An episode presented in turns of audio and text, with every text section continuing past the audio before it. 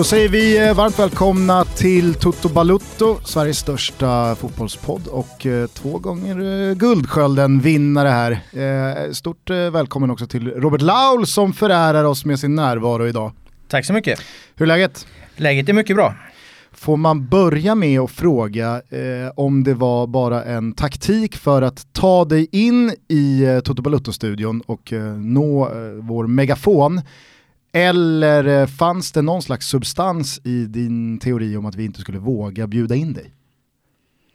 Det kan man väl säga var en liten taktik för att ni har ju skickligt byggt upp en stor eh, lyssnarbas med uh, unga personer. Och uh, unga personer tycker jag är jäkligt uh, intressant att nå för att jag har hamnat i en situ situation i livet som före detta missbrukare och, och föreläser om, om alkoholism och drogberoende och, och, och sådana grejer. Och jag menar, fakta är ju att var tionde person får en beroendeproblematik eller, eller missbruksproblem i livet. Och att nå unga människor tidigt, där finns en jäkligt stor samhällsvinst att eh, göra. Så att jag tar egentligen varje chans jag kan att eh, få prata i sådana här sammanhang. Så att eh, så sätt så fanns det definitivt en taktik med det. Men, men sen så började ju hela min och Wilbachers debatt där, den började ju egentligen med, med, med en tweet som jag gjorde om allsvenskan och när jag gjorde den hade jag absolut ingen tanke på att jag skulle sitta i... Det ena ledde till det andra. Ja, det ena ledde till det andra och så. Och så. Sen när jag såg att det fanns en öppning där så är det klart att jag, jag gärna kommer hit och bland annat pratar om sådana saker då. Men eh, om vi bara eh, kort eh, recapar den här eh, senast aktualiserade lilla, lilla beefen då, er två emellan, så har du stört dig lite på att Laul är tillbaka i den allsvenska bevakningen, han är tillbaka på Sportbladet och du tycker att han eh, tuppar sig lite för mycket som någon slags allsvensk general eh, och menar på att eh, liksom, Laul, somna om igen. Äh, men eh, om det nu finns en elefant i rummet så kan vi lika gärna gå på den direkt då. Eh, nej men för, för, min del så, så handlar det om att vi satt här med Jennifer, för, Jennifer V-grupp för eh, drygt ett år sedan och hon eh, berättade liksom sin historia, hur det var på Sportbladet eh, och eh, jag tror att de flesta av våra lyssnare har hört den, jag vet inte om, om Laul, men han har säkert sin historia på det också. Men där det handlar om att hon jobbar inte kvar på Sportbladet. Eh, Robert Laul jobbar ju fortfarande kvar på Sportbladet. Eh, och sen finns det en problematik här som Robert är inne på direkt också med missbruk. Eh, så det är inte helt enkelt.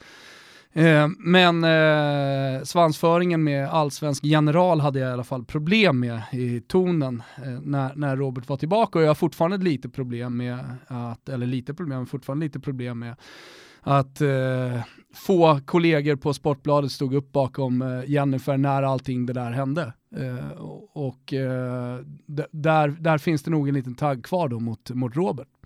Så det, det, det, är väl, det är väl det, där tonen kommer ifrån. Det är lite sammanflätat. Ja, såklart det är. Det, det, det måste det väl vara. Liksom, så är livet, eh, känner jag. Vad känner du Robert? Nej, jag, alltså, jag tycker det är helt självklart att, att man eh, reagerar på, på mina handlingar där för, för tre år sedan som, som du syftar till med, med de här filmerna som kom ut och så. För att jag menar, det är ju, jag beter mig förkastligt. Jag beter mig för jävligt. Det, är liksom, det, det finns ingen, inget snack om det. Jag har aldrig tyckt något annat. Jag har aldrig sagt något annat. Jag har aldrig skrivit något annat än att eh, jag där beter mig för jävligt. Och man behöver egentligen inte eh, försöka förklara det mer än så. Det behöver inte vara några om och men och kanske. Utan min handling, det jag, det jag det, det jag gjorde, det var, det var för jävligt. Jag har på alla sätt under de här tre åren försökt ta ansvar för det och, och, och, rätta till det så långt det är möjligt. Men det är klart att jag har förståelse för att, att människor tycker, tycker att jag betedde mig för jävligt där, för det gjorde jag ju. Det, det, det är ju ett faktum. Sen har jag som sagt försökt eh, stå upp för det och, och ta ansvar för det så, så långt det är möjligt på, på olika sätt. Och där tycker jag väl någonstans att tre år senare så har jag rätt att slå mig lite för bröstet och tycka att fan nu har Sportbladet kommit tillbaka i matchen här kring den allsvenska fotbollen. Eller framförallt är jag tillbaka eh, med allsvenskan. Och jag har gjort ett par grejer senaste tiden som, som jag är, liksom är stolt över. Intervjuer med sportchefer och, och tycker att vi har hittat ett intressant sätt, och, intressant sätt att analysera eh, fotboll och, och, då är det klart att jag använder Twitter som en, en marknadsföringskanal och, och, gör reklam för de grejerna. Återigen full respekt för att, eh, för att folk reagerar på det. Eh, men, men, så är min syn på det. Nej, men, och, och där kan jag säga, där finns ju också, äh, finns inte bara liksom att, att jag och Jennifer är goda vänner liksom, eh, bakom det här, utan där finns ju också eh, en någon, som jag tycker är en lite så sund eh, rivalitet mellan Aftonbladet och Expressen som har funnits i urminnes tider. Det, det är ingenting nytt. Eh, och, och, där jag då såklart står på Expressens sida och mina kollegor, nu jobbar inte jag med allsvenskan, men, men det de gör eh, och när Robert kom tillbaka så kan jag ju säga att det var, det, var, det var inte så att det var ingen på Expressen som reagerade på att kolla här, kommer Robert att kalla sig för allsvensk general? Det förstår ju Robert själv också att det, det kan vara lite provocerande för gänget där borta. Och eh, det jag gjorde, eh, inte speciellt genomtänkt, det ska jag väl säga, jag agerar ofta spontant, det var väl att eh, jag ja, blev du, någon du, slags... Du är en lätt slags, måltavla för provokation. Ja det är jag verkligen. men, men jag blev ju jag blev också eh, om man säger så här, så som tongångarna gick på Expressen, så, så det jag skrev var lite så tongångarna gick. Ja, men, men, men, det förstår ju Robert också. Absolut, men jag ska säga att det var liksom från början, det var ingen provokation utan vad jag skrev i den där första tweeten var ju att här nu i januari, första två veckorna så har Sportbladet rivstartat. Jag har egentligen ingen värdering hur det har sett ut de senaste två åren när jag var borta, för det kan jag inte riktigt bedöma. Eh, utan jag, jag, jag och det står jag fast vid, jag tycker att Sportbladet har rivstartat. Jag tycker att Sportbladet har varit, eh, varit bäst här i januari. Vi, vi, jag säger inte att andra inte kommer komma igen och så vidare. Men de här tre veckorna så, så har vi tagit en liten ledning här i, i den allsvenska bevakningen och, och, det står jag för. Vad som hänt de andra två åren, det, det, det är ni säkert bättre på att be, bedöma än mig som har varit borta från det. Men de här tre veckorna så, så, så är det vi som drar det allsvenska försäsongsloket. Det är inget snack om den saken enligt mig. Men hur mycket, jag, tycker, jag tycker precis tvärtom. Jag tycker att den, den, liksom hel, hela bevakningen av allsvenskan har ju drivits av framförallt Expressen de senaste åren och det är fortfarande så. Vad det gäller nyheter, vad det gäller bevakning, vad det gäller att vara på plats, eh, vad det gäller att träffa, liksom, som Robert säger, han träffar, träffar sportchefer. Jo men det här är ju, det här är ju liksom, gör ju Oskar Månsson på Fotboll Stockholm som är en lokaltidning, det här gör Expressen via KVP, via eh, vår Göteborgsavdelning. Via Får jag slå ett slag för Fotbollskanalen också?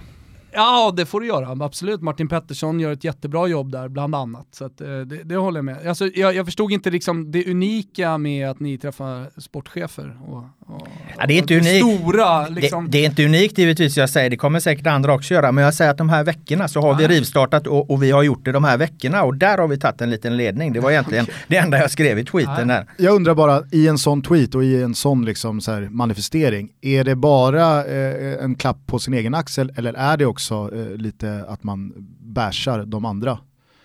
Nej, inte från början i den, för att där nämner jag ju eh, kollegorna som också jobbar hårt med allsvenskan och, och eh, lyfter dem och, och, det här gör vi jävligt bra och nu ska vi bygga vidare på den här energin. Och, och jag menar, vad fan har jag? Jag har ju nästan 100 000 följare på Twitter. De flesta är jävligt fotbollsintresserade. Det, det är klart att det blir ett bra forum och, och ja, gjuta lite olja på vågorna och, och, och, jag menar om eran bild då är korrekt liksom att, att Expressen har, har varit jäkligt bra de här senaste två åren. Då det är väl än viktigare att, att, att vi, vi, vi visar att, att det, det, det till oss fotbollsfansen ska vända sig. Det, jag menar, det handlar det handlar om. Vi, det handlar ju för oss om att få fler, fler läsare än vad Expressen har och andra tidningar har. Jag ser mig själv här som någon slags moderator snarare än, än Expressen-försvarare. Däremot så, så är det faktiskt nog vanligare än många tror att just människor från Expressen-håll tenderar ju att helt avskärma sig från Sportbladet och jag vet inte om det fungerar lite likadant från andra hållet. Har du den bilden att är man på Aftonbladet och kommer man från det hållet och i synnerhet då Sportbladet, blir det så att man nästan undviker Expressen helt eller tittar du väldigt mycket på vad gör de och hur har det varit i, i, i din karriär? Ja, alltså för att besvara den frågan får man nästan beskriva det i ett, ett större ske, skeende. Liksom. Jag kom in på Aftonbladet i millennieskiftet där när Sportbladet startade och, och Papp och papperstidningens tid och då var det ju alltså, då var det ju, då var ju Aftonbladet, då var det som en sekt. Alltså eh, det var ett extremt fokus på att, på att vara bäst. Det var ett enormt fokus på att, att knäcka Expressen varje dag. Det var en, en fruktansvärd, liksom osund på många sätt rivalitet. Eh, sen med nätet så försvann det där mer och mer och Eh, man har liksom inte jämfört sig på samma sätt med Expressen eftersom det inte liksom funnits en, en, en daglig papperstidning att ställa det mot. Vad hade de, vad hade vi och så vidare. Nu, nu senare år är flödet så himla mycket fortare så man, man, man, man jämför inte på, på samma sätt. Det har kommit in massa andra spelare eh, på, i matchen. Det är inte bara liksom en duell mellan, mellan Aftonbladet och Expressen. Men det här liksom gnabbet som, som liksom jag och Wilbacher ger exempel på. Det är ju en liten kvarleva som, som snarare liksom flörtar med den tiden. Så, så eh, på Aftonbladet i Expressen, det är liksom inget issue idag på det sättet. Eh, när jag var borta från, från eh, allsvenskan så, så läste inte jag särskilt mycket vad Expressen skriver om, om, om allsvenskan för att det, det, det är ju mer vad man springer på. Ni håller liv i den här Ja, Rivalitetselden då? Det är lite tradition. Det kan, väl, det kan väl vara positivt på sitt sätt. Jag, eh, jag eh, lyssnade på en eh, intervju med dig när du satt hos Mårten Bergman eh, hos just Fotboll Stockholm, det heter eh, Bergman 90 minuter, eh, nyligen. Då sa du att du egentligen inte ville tillbaka till sportjournalistiken och Sportbladet och den allsvenska bevakningen. Kan du utveckla det? Ja, det var ju helt sant. Jag hade ju eh, lämnat den och det var liksom ett led i, i hela min beroendebehandling och allting att jag skulle lämna det livet bakom mig och att jag tog ett, ett kliv eh, bort från sportjournalistiken. Det var väldigt förknippat med, med mitt missbruk och allt som, som hade hänt med det. Så att eh, det var ju egentligen i, eh, för ja, det är ju flera år sedan eh, som jag klev in till sportchefen och sa det att jag, jag vill av den anledningen inte vara kvar på sporten. Jag tror att det är bäst och så vidare. Och då hamnade jag ju på eh, Aftonbladets plusredaktion och har jobbat med med nyheter, vilket ju är det jag har gjort den senaste tiden. Och det tycker jag ju fortfarande var den absolut bästa lösningen och det var ju så jag ville ha det framöver också. Eh, att det skulle vara ett avslutat kapitel. Men eh, nu gjordes det en, omorganis en omorganisation på Aftonbladet i somras och därefter så bestämdes det från högsta ort att jag skulle tillbaka till Sportbladet och, och göra det jag kan bäst då. Det är ju liksom allsvenskan som jag har jobbat med i 16-17 år. Liksom. Så det, det blev naturligt av den anledningen. Men det var inte mitt beslut utan jag bråkade i, i ett halvår kring men, det där för att inte gå tillbaka. Men, mycket, men, men, hur, ja. hur, jag tänkte bara hur mycket tror du att det har att göra med, du skrev ju några grejer som blev, blev väldigt uppmärksammade under hösten. Eh, och jag kan tänka mig att de blev extremt klickade också på Aftonbladet. Hur mycket tror du att det har att göra med att de tror att det här är en bra eh, lösning affärsmässigt för Aftonbladet? Att du är med, som du säger, nästan 100 000 följare och de vet att skriver du någonting så, så klickas det förmodligen bättre än någon annan eh, som jobbar med, med, med, med allsvenskan. Ja, det, ja, det, det tror jag du har helt rätt eh, på sätt och vis. Alltså att de försöker väl liksom optimera eh, varje medarbetares insatser på något sätt och de anser väl att jag gör mest nytta där då så att det, det är klart att, eh, att det ligger med i det. Men vad var det du inte ville tillbaka till? För jag misstänker att det kanske inte är liksom matcherna på plats och spänning och drama och fotboll och Nej, utan det att det nej. kanske snarare handlar om eh, följet som kommer med det, alltså läsare och tyckare som hör av sig. Och... Ja, det var ju egentligen en, en, en del i hela paketet eh, med min behandling och det här att eh, ja, då, då byter jag miljö också. Och så hade jag ju väl bytt miljö och, och kommit ifrån det. Eh, Eh, så det var mer som att det var en helhetslösning att, att inte gå tillbaka till något som var, var förknippat. Att det kanske kan trigga vissa grejer i en och, och och så här, eh, Hur har det varit under de här första veckorna då? Har, nej, det, har nej, det liksom men, dragits upp nej, mycket nej, men sen, sen, så kom, sen så kommer du ju till en punkt också där du inser att du kan inte, du kan inte liksom bråka utan du får acceptera det. Det är min arbetsgivare, de betalar mig en, en rejäl lön varje månad. Någonstans kommer det till en gräns där jag faktiskt måste göra som de säger också. Eh, och när jag väl kommer tillbaka och, och har, har, kört igång med det så, så, så jag känner mig idag väldigt liksom, trygg och stabil i min nykterhet och det är ju nummer ett för mig att inte falla tillbaka. Liksom. Och det, det har känts jävligt bra. Det har inte varit något, något problem alls. Eh, där känner jag mig trygg. Och jag tycker jag är jävligt intresserad av allsvenskan och, och jag tycker det är jävligt roligt. Så, så, även om, om det här var ett beslut som förmodligen hade varit det bästa för mitt liv så, så tycker jag det är jävligt kul också att vara tillbaka till, till allsvenskan. Vad fan, eh, gnabbas man lite med Wilbacher och jag menar då, då är ju saker Men det är det, det som är känslan, roligt, liksom. det, måste, det måste jag ju säga. Alltså nu när du har kommit tillbaka eh, och de grejerna du har gjort under januari. Eh, att det känns som att du har kul Liksom. Att det här, det här eh, det kanske, kanske var bättre än vad du hade trott. Ja, och det kanske är det som är lite faran också. För att jag menar, mitt missbruk hängde ju ihop jävligt mycket med, med, med eh, en enorm arbetsbelastning. Jag jobbade ju något fruktansvärt under de här eh, 15 åren och, och det där gick lite hand i hand med alkoholen. Så att eh, alltså, själva orsaken till att jag hamnade i det där, inte att jag blev missbrukare för det har helt andra orsaker, men att jag också eh, hamnade i något slags eh, någon arbetsnarkomani liksom. Det var ju för att jag tyckte det var så jävla kul. Och, och det är ju där jag måste vara lite försiktig. Om man eh, bara backar eh, bandet eh, några år till eh, när de där filmerna släpptes på Sverigescenen och allt som sen följde. Det var väl en paus och sen så var du tillbaka i tjänst ett tag innan du flyttade till USA. Och sen så som du var inne på så var du tillbaka på Aftonbladet men då på plusredaktionen, jobbade nyheter och numera tillbaka på Sportbladet. Släppte en bok för ett knappt år sedan, Alkisbarn. Jag har inte läst den, har du? Nej, inte. Eh, om du, om du liksom ser på det idag, ha, alltså, blev det till det goda allt som hände? Eller hur, eh, hur eh, reflekterar du över de här åren som har följt? Nej, det, det kan man ändå liksom inte säga för att eh, hela den här historien som du kort redogör för, det, det var ju massa andra människor som skadades i det och, och tog väldigt illa vid sig och, och, jag sårade människor och jag ställde till med ett eh, jävla elände. Så att eh, det, det, kan man liksom inte säga. Eh, jag vill, inte, jag vill liksom inte på något sätt att det ska, att det ska historieskrivning ska vara att det det där var, det var bra liksom att de här filmerna kom ut för att jag idag har blivit nykter och, och så. Skulle jag liksom stå och säga det då, då skulle jag pissa på, på massa människor som har gjort illa liksom. Så Men tror det, du att du hade varit nykter idag om de inte hade publicerats? Eh, det vet jag inte. Eh, det som var problemet i hela min situation det var ju att jag och min arbetsgivare inte tog alla de varningssignaler som hade funnits under många år på allvar.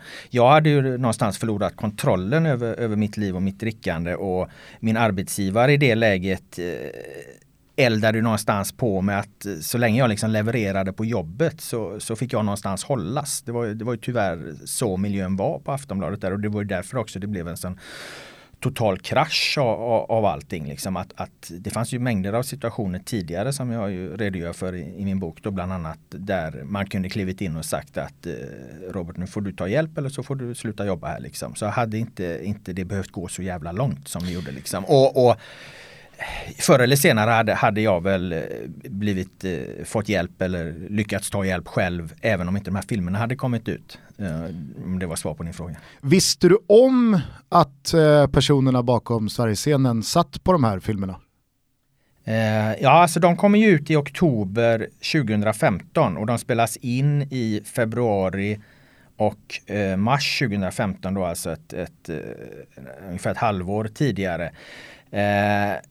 Och jag visste ju att jag då eh, i februari-mars att jag hade satt mig i skiten. Jag visste inte exakt vad som fanns och så vidare. Eh, men jag visste, jag hade fått liksom en, en en förordning som användes eh, lite för att sätta press på mig att jag skulle skriva vissa saker i tidningen om, om personer då mot, mot bakgrund att, att, att, de här, att det fanns eh, filmmaterial på mig. Någon slags utpressning? Ja, jag vet inte om jag vill använda just det ordet men, men de satte press på mig i alla fall på, på det sättet och för att jag skulle gå deras ärenden i tidningen.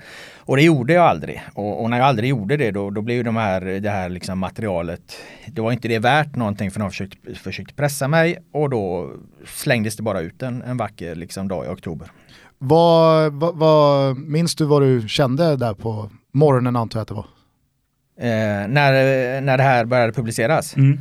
Ja, det var ju en, eh, det kom ju fyra dagar i rad. Det var, började på en måndag. Då eh, lades det ut eh, en del och sen kom det på tisdag, onsdag, torsdag och så vidare. Och Ja, det tog väl styggare och styggare för varje dag som gick egentligen.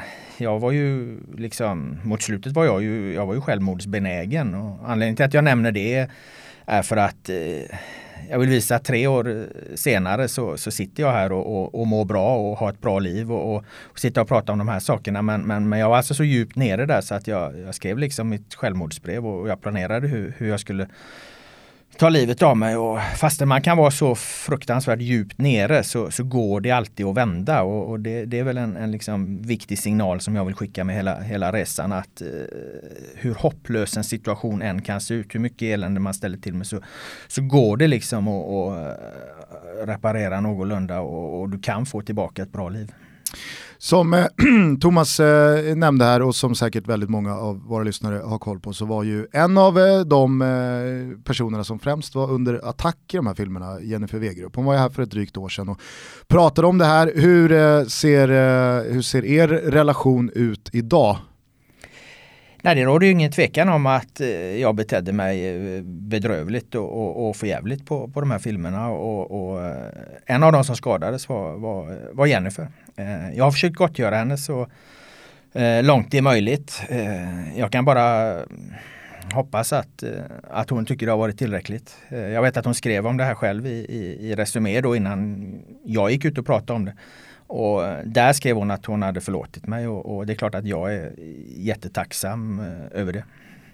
Jävla soppa på alla sätt och vis men har du liksom har du någon gång under de här åren eh, varit på väg liksom, tillbaka ner i, i mörkret eller har det varit en spikrak väg uppåt? Eller spikrak kanske är, är, är, fel ord att använda, men förstår du hur jag menar? Alltså var det liksom, det här är botten, nu finns det bara uppåt? Mm.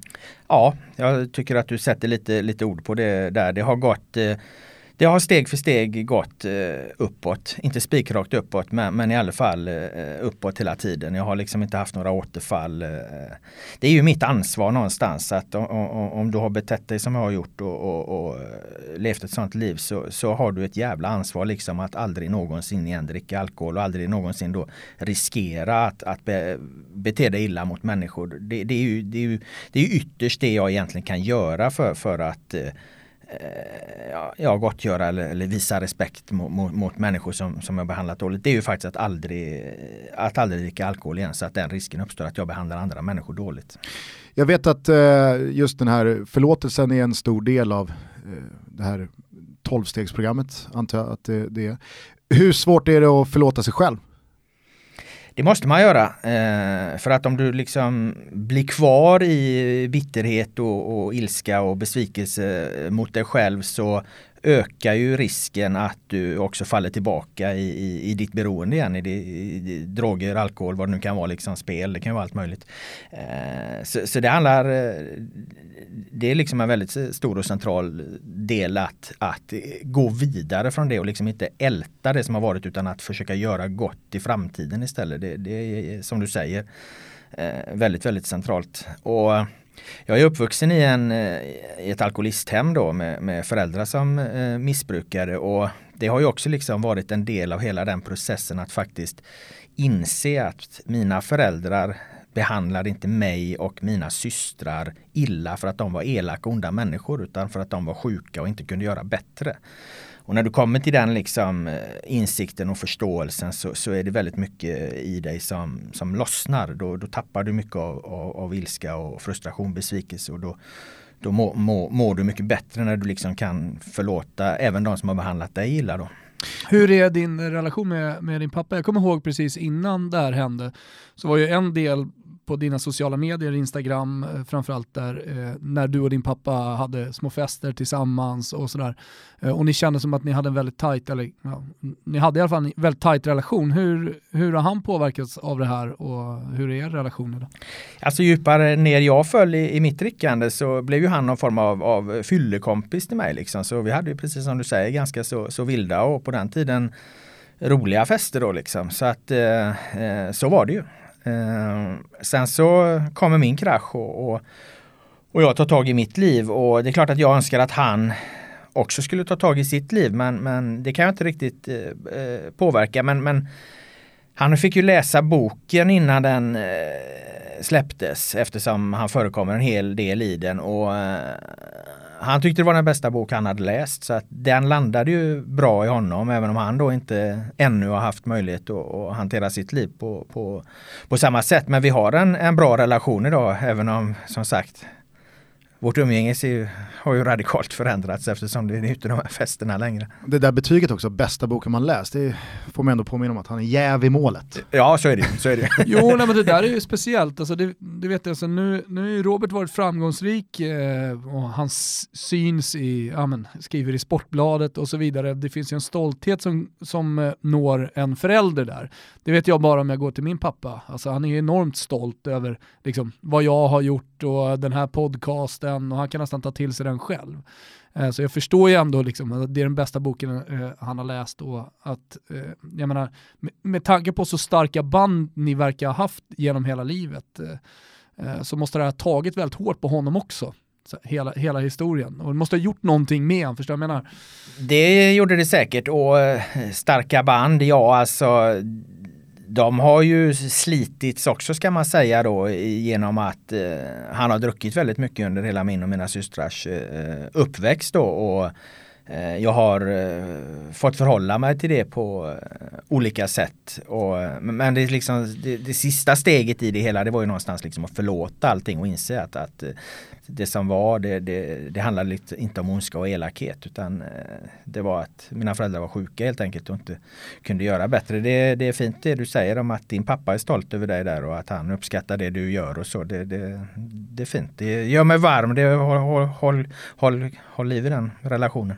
Men i förra veckan där när du gick ganska hårt åt eh, Robert här så sa du att liksom, man, man, kan inte, man kan inte skylla på alkoholen eh, när man gör eh, dumma saker. Ja, men vissa grejer, det säger Robert här nu också, eh, vissa grejer får man leva med. Alltså, han har sårat väldigt många människor, det säger han själv. Jag tror inte att vi ser annorlunda på det. Eh, jag menar, jag, jag, jag, kan inte vara otrogen mot Helena och sen så vakna dagen efter och skylla på alkoholen. Eh, och jag menar, även om Roberts situation har varit betydligt allvarligare, eh, allvarligare så, så vissa saker kan man inte skylla på alkoholen. Eh, och det, det står jag fast med, det tycker jag verkligen.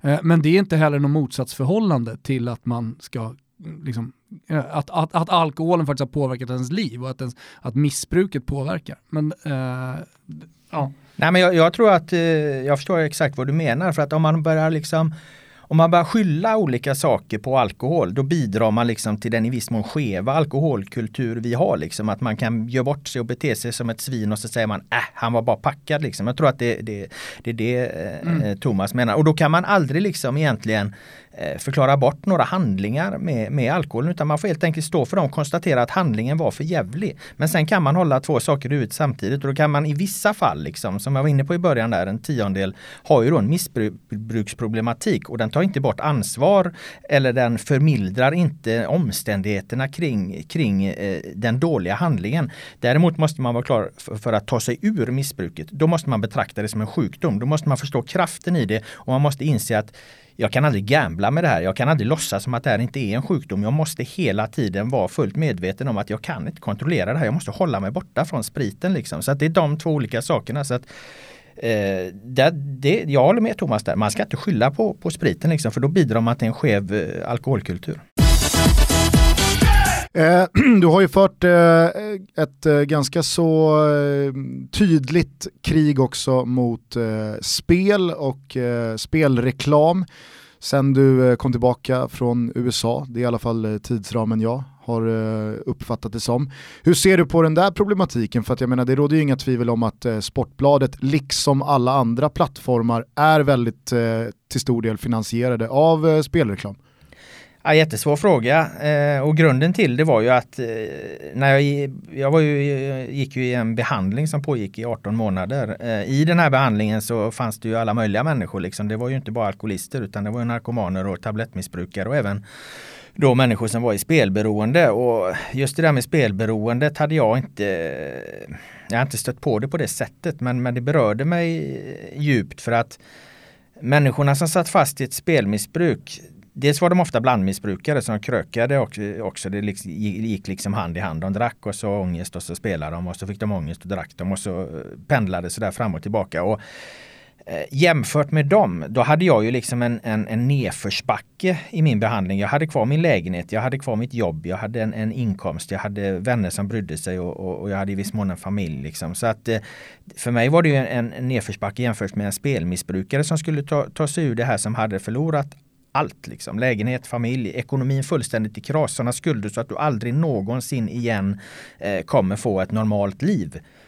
Och eh, det första jag gjorde när jag började jobba igen eh, eh, efter min krasch då, det var liksom att göra ett stort, en stor granskning av nätkasino och hur framförallt då medelålders kvinnor fastnade i det och hur det förstör livet och att de liksom ägnar sig åt kriminalitet mer eller mindre för att eh, försörja sitt, sitt spelande då. Och eh, ja, det där är ju en konflikt liksom. Jag jobbar på en tidning som, som tar in massa pengar på, på spelannonser och och, och, och, jag tycker att det är ett jävla elände och, och där i försöker jag väl göra vad jag kan. Jag har liksom en, en plattform uh, och där kan jag nå ut och jag kan granska, jag kan skriva, jag kan uppmärksamma problemen. Jag har inte, jag, jag, det är viktigt att säga att jag har inget problem med att det finns spel.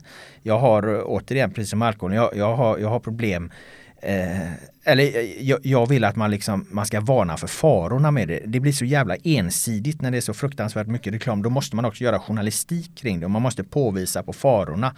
Så att det är väl jag förstår att man, många tycker att det blir hyckleri. Jag sitter på, på Sportbladet liksom och, och gapar om det här. Men, men, men, men motsatsen att, att, eh, att, in, att ge upp min plattform den är ju sämre. Det är bättre att vara kvar där, där jag befinner mig och visa här är farorna, så här kan det bli, här gick det fel mm. och så vidare. och så vidare. Nej, men jag, håller, jag håller helt med Robert. Alltså, den explosionen av nätkasinon som liksom kom för ett par, tre år sedan och som har fortsatt efter det har ju varit fullständigt otrolig alltså. Eh, och därför tror jag att spelregleringen är ett steg i rätt riktning för att istället för att eh, spelmonopolet då ska jobba eh, enkelriktat och ensamma Eh, så kan man kanske slå ihop sina krafter och arbeta tillsammans. Sen så återstår det väl att se hur, hur, hur villiga vissa av de här spelbolagen eh, är att faktiskt eh, arbeta emot eh, eh, spelberoende och försöka komma till bukt med det. Men alltså nätkasinorna är ju helt otroliga i sin marknadsföring och fortsätter att vara så, även om den här regleringen är till.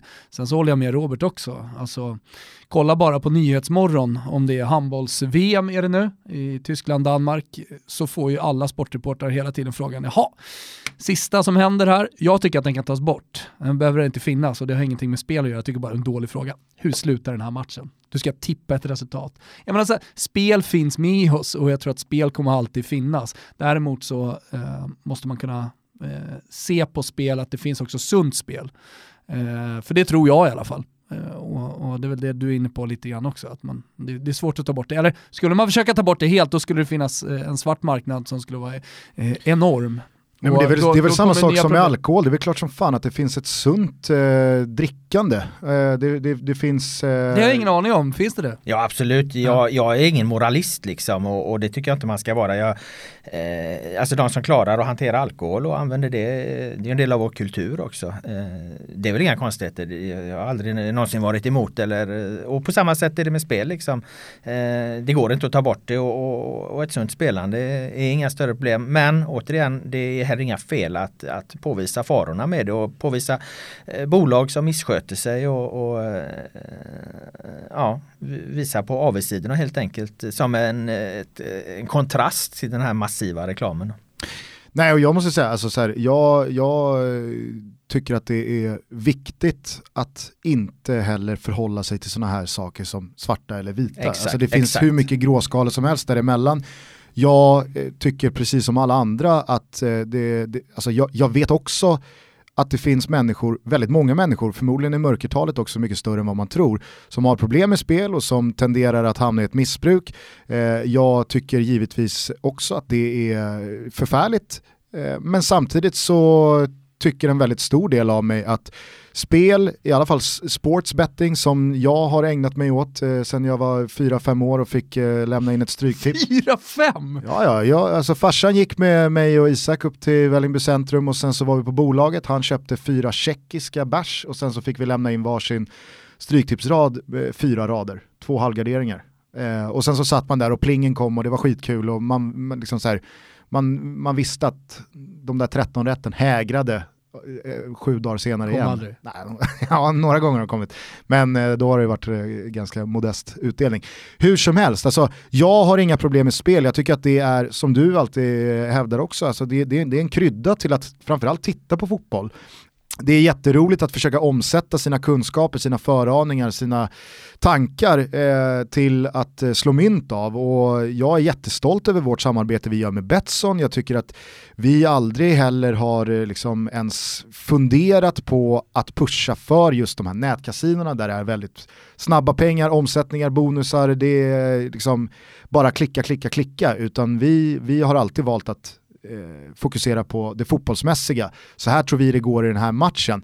Vi har hållit nere insatserna på en fixad nivå eh, en gång i veckan. Vi försöker alltid addera någonting till det för att även fast man eh, har ryggat och förlorat så har man i alla fall chansen på att vinna någon fin tröja eller en resa eller eh, vad det nu kan vara. Så att, eh, jag, jag förstår att folk även mot oss tycker att vi hycklar om man nu sitter och moraliserar eller när Offside här nu i höstas gick ut med sin eh, spelstopp, eh, den kampanjen och ni borde haka på. Men det, det, alltså allt är ju en allt är ju en ekvation med ekonomi, vad som går runt. Det är samma sak eh, som du är inne på. Jag menar, till viss del så är ju den här spelreklamen som finansierar din journalistik också. Så att, Ja, och, det, och därför är det också viktigt då att man plockar upp av, avigsidorna och, och, och, problemen. jag menar, där finns det, ju, det finns ju en annan sorts kritik som inte bara handlar om, om eh, missbruksdelen som vi har berört då, men det är ju det här liksom hur hur spelare limiteras och, och så att de, de, vinner massa och så får de inte, inte betta på olika saker liksom. Alltså det kan man ju också, där kan man ju liksom ta spelarnas eh, perspektiv. Mm. Är inte det för jävligt liksom av bolagen? Det, det, det går ju egentligen emot jäkligt mycket att, att är du en skicklig spelare här då får du fan inte satsa liksom. Och,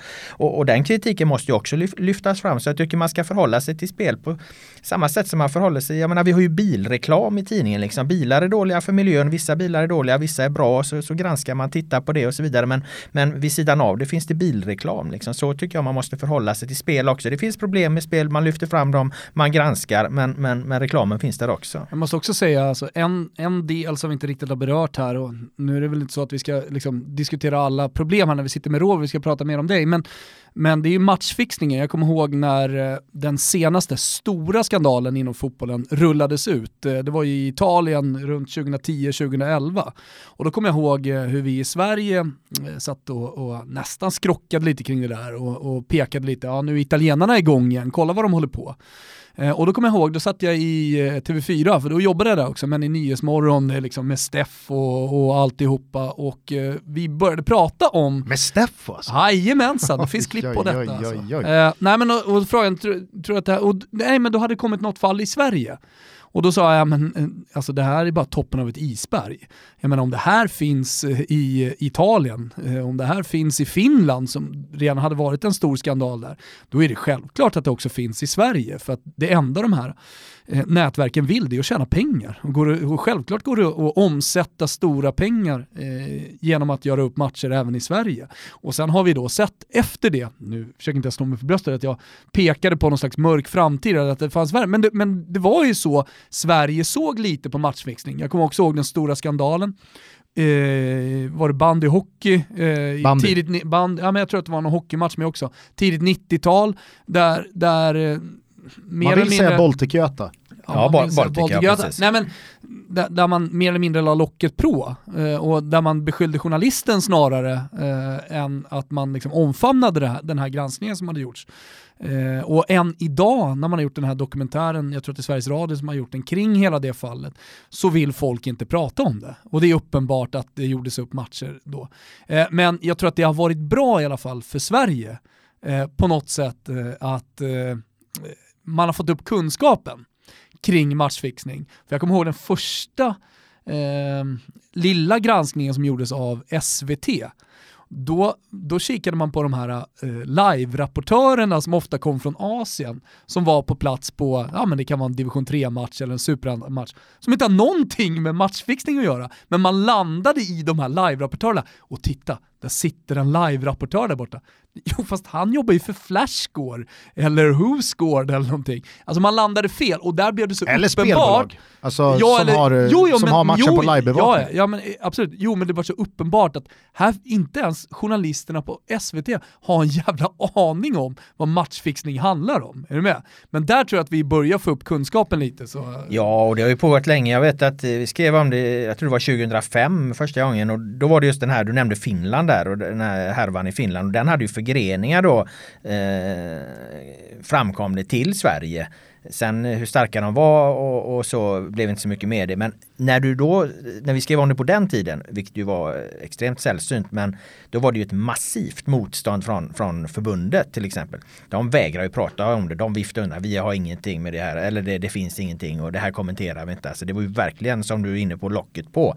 Sen går det några år och, och idag har de ju heltidsanställda tjänstemän som, som jobbar enbart eh, mot matchfixningsproblematiken. Så att, ja, men det är ändå ganska nytt fenomen. Så är det. Så är det. Men, men, polisen har ju sagt det flera gånger, vi vet inte vad vi ska göra. Nej. Nej, alltså det, det, ringer en alarmklocka på Svenska Spel. Oj då, nu kom det mycket pengar på den här matchen, på det här resultatet. Samtidigt kanske har då tidigare ringt hos Unibet eller hos Betsson eller hos något annat spelbolag. Är du med? Fast då samarbetar inte de. Så då kan man inte stoppa det här spelet och framförallt så kan man inte liksom som, eh, från polisens håll eller myndigheternas håll, eh, arbeta eh, och försöka hitta de skyldiga. Nej, så är det. Och ändå vill jag då inflika där hur hur liksom totalt till exempel fotbollsförbundet har svängt i hur de förhåller sig till det. Idag erkänner de ju problemen. För 10-15 år sedan så, så gjorde de överhuvudtaget jag tror inte att, det. Jag tror att eh, på, på just den punkten så var den här eh, matchen mellan AIK och Göteborg väldigt viktig. För att så länge som det var luddiga lag i Finland, eh, det var lite liksom Värnamo här, Landskrona där, det var ord mot ord, eh, det fanns ingenting konkret att ta på och sen så pang så smäller det till mellan Sveriges, alltså två av Sveriges absolut största klubbar och en allsvensk match skjuts upp och det är verkligen konkret. Efter det så känns det som att nu kan ingen längre förneka att det finns problem här. Nej, det är nog en helt korrekt eh, verklighetsbeskrivning. Vi är denna vecka sponsrade av våra vänner på Stay Hard. Nytt år men samma gamla fina Stay Hard. Ja, det är samma gamla fina Stay Hard, men däremot så är det lite nytt nu när det är nytt år också, det vill säga en jätterea. Och då tänker folk så här, jaha jätterea, då är det väl 30% på prylarna? Nej, mer än så. 50% säger någon. Ja, nu suger det till. Ja. 60% känner du i magen.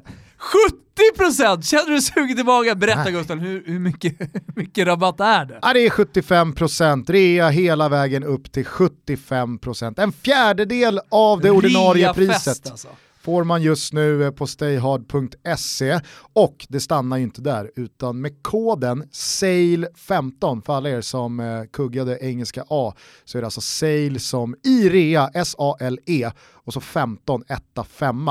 Ja, då slår man på 15% extra rabatt på reapriset. Ja, vi får kolla med Axelsson och gubbarna här borta på Stay Hard om, om de verkligen är friska. Mm. Eh, men eh, ni som tycker att det är lite grått ute, det är kallt, man behöver liva upp sin eh, garderob och kanske sitt medvetande lite grann nu när det är tråkiga januaritider. Ja men fan gå in och, och kör lite nätshopping på Stay Hard. Det är dessutom sådana här eh, men, divisionstider beroende på vart man bor i landet. Mm. Så Nikkaluokta-gänget, ja, det, är, det är många månader kvar Visst. av mörker, kyla och minusgrader. Medan Skånegänget nog börjar eh, dra in vårluft i lungorna om bara någon vecka eller två. Att, man pratar om eh, Svenska kuppen som det första vårtecknet. Det är inte riktigt uppe i Boden. Däremot nere i, i Malmö så, så är det ju faktiskt på riktigt ett vårtecken. Första tussilagon vet man ju kommer på Österlen den första mars.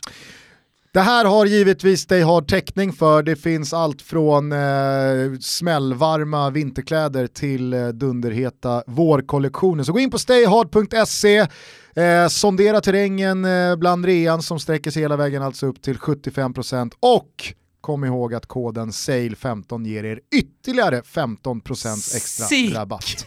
Tack till Stay Hard för att ni är med och gör Toto Balutto möjligt även 2019.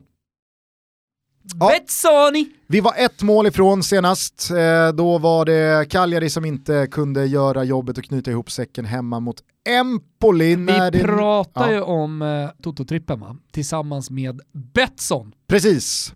Eh, vi skickar ut en eh, ny eh, valfri matchtröja som kicker. Den kommer ligga under godbitar och boostade odds. Man ryggar med 148 kronor och så hashtaggar man in sin kupong på Enkelt. Twitter under då hashtaggen Toto-trippen. Ni vet ju hur det går till. Eh, det är fa Cup-helg, således gör eh, det att vi håller oss borta från de brittiska öarna. Alltid knepigt med hur lag värderar de här fa Cup-matcherna.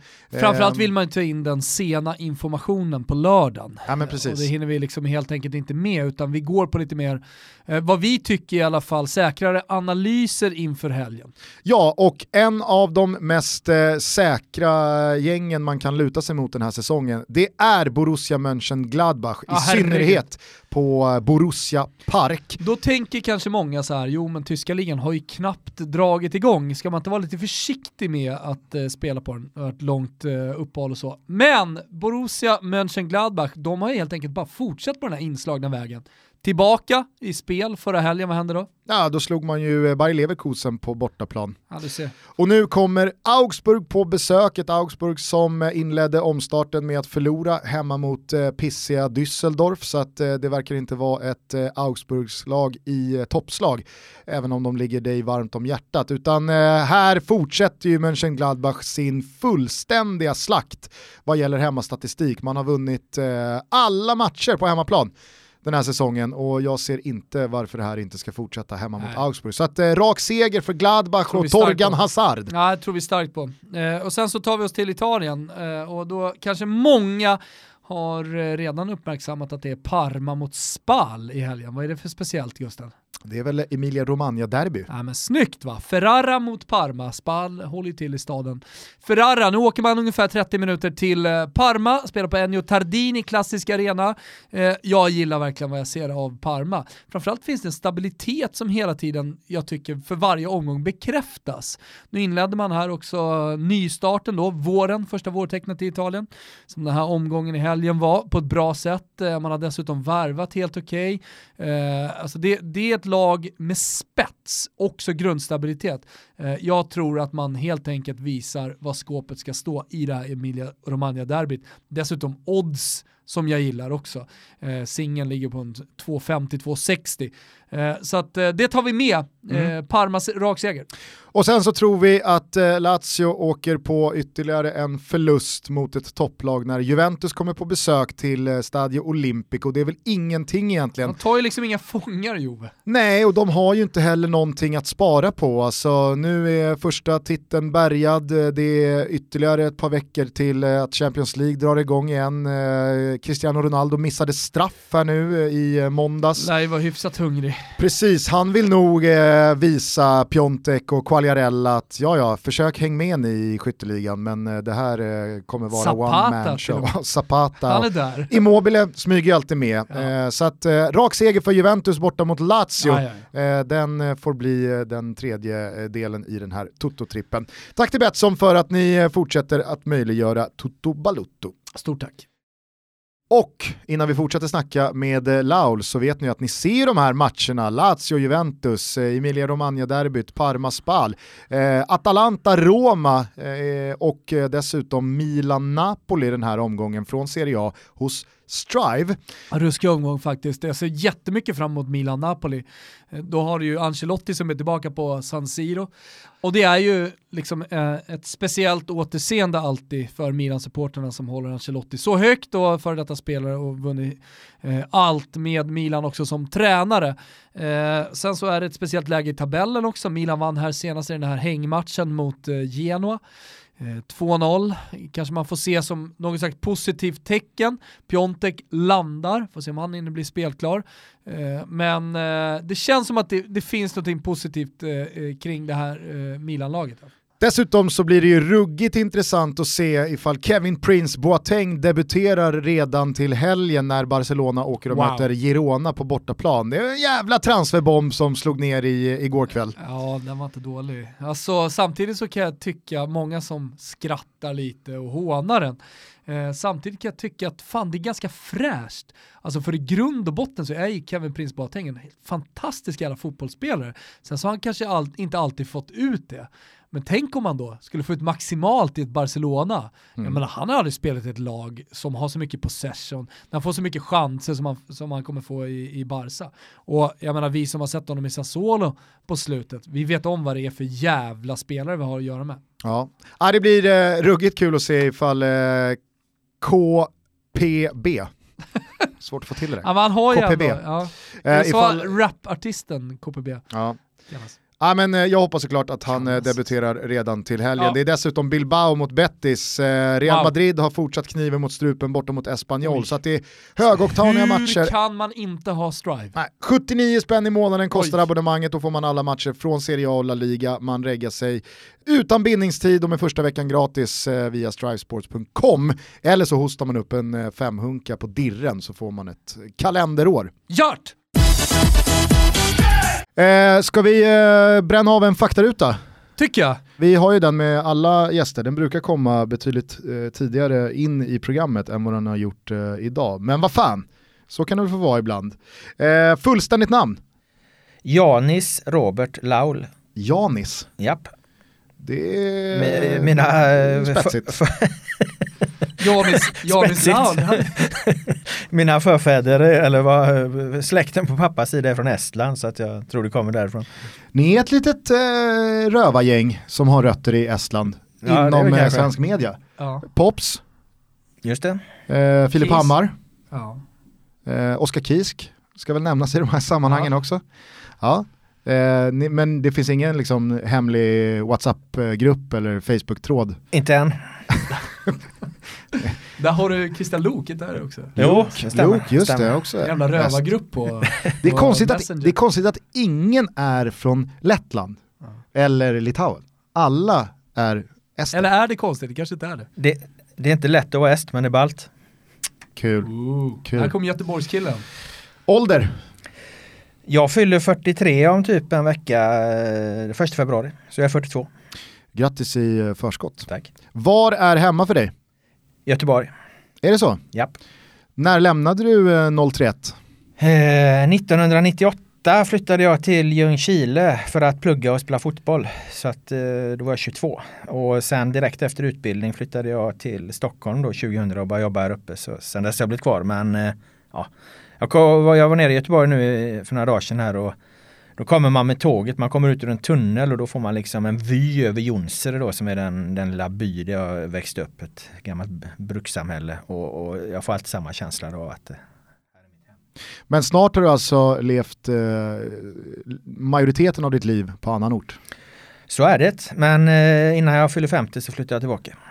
Som eh, GP eller GT eller någon Göteborgstidning ringer här om tre fyra år, då, då kan det vara intressant. Eh, ja det kan det absolut vara men jag hade väl, har väl mer då en tanke liksom att kunna lämna sportjournalistiken och kanske göra något annat och, och ja, skriva lite fler böcker och, och vara, vara lite frilans och, och ta det lite lugnare. Men eh, jag behöver bygga upp en bättre ekonomisk buffert innan. Vilka språk behärskar du? Ja det är fattigt många det. Eh, det är väl i princip bara svenska. Min engelska är rätt dålig även om den blir lite bättre när jag bodde i USA. Vilket eller vilka lag håller du på? Eh, Brasilien är mitt eh, stora lag. Alltså jag blev så fruktansvärt eh, förälskad i deras 82-lag och, och, och den, där, den där känslan går liksom inte att göra något åt. Alltså, de förlorar mot Italien med 3-2, eh, VM 82. Vem var din gubbe i det gänget? Sicko. Sicko. Ja. Och alltså nya vinster läker bara det såret för stunden. Sen är man tillbaka igen och, och vill att de ska vinna. Det, det sitter djupt inpräntat.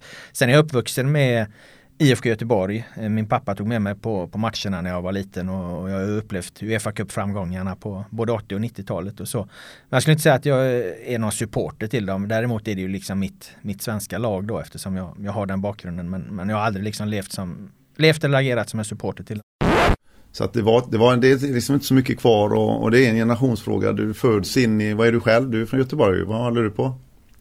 Jag är journalist, jag är strikt objektiv. Klart att du är, naturligtvis. Jonsered kan du hålla på. Ljungskile har lirat tillbaka. Ja, just det.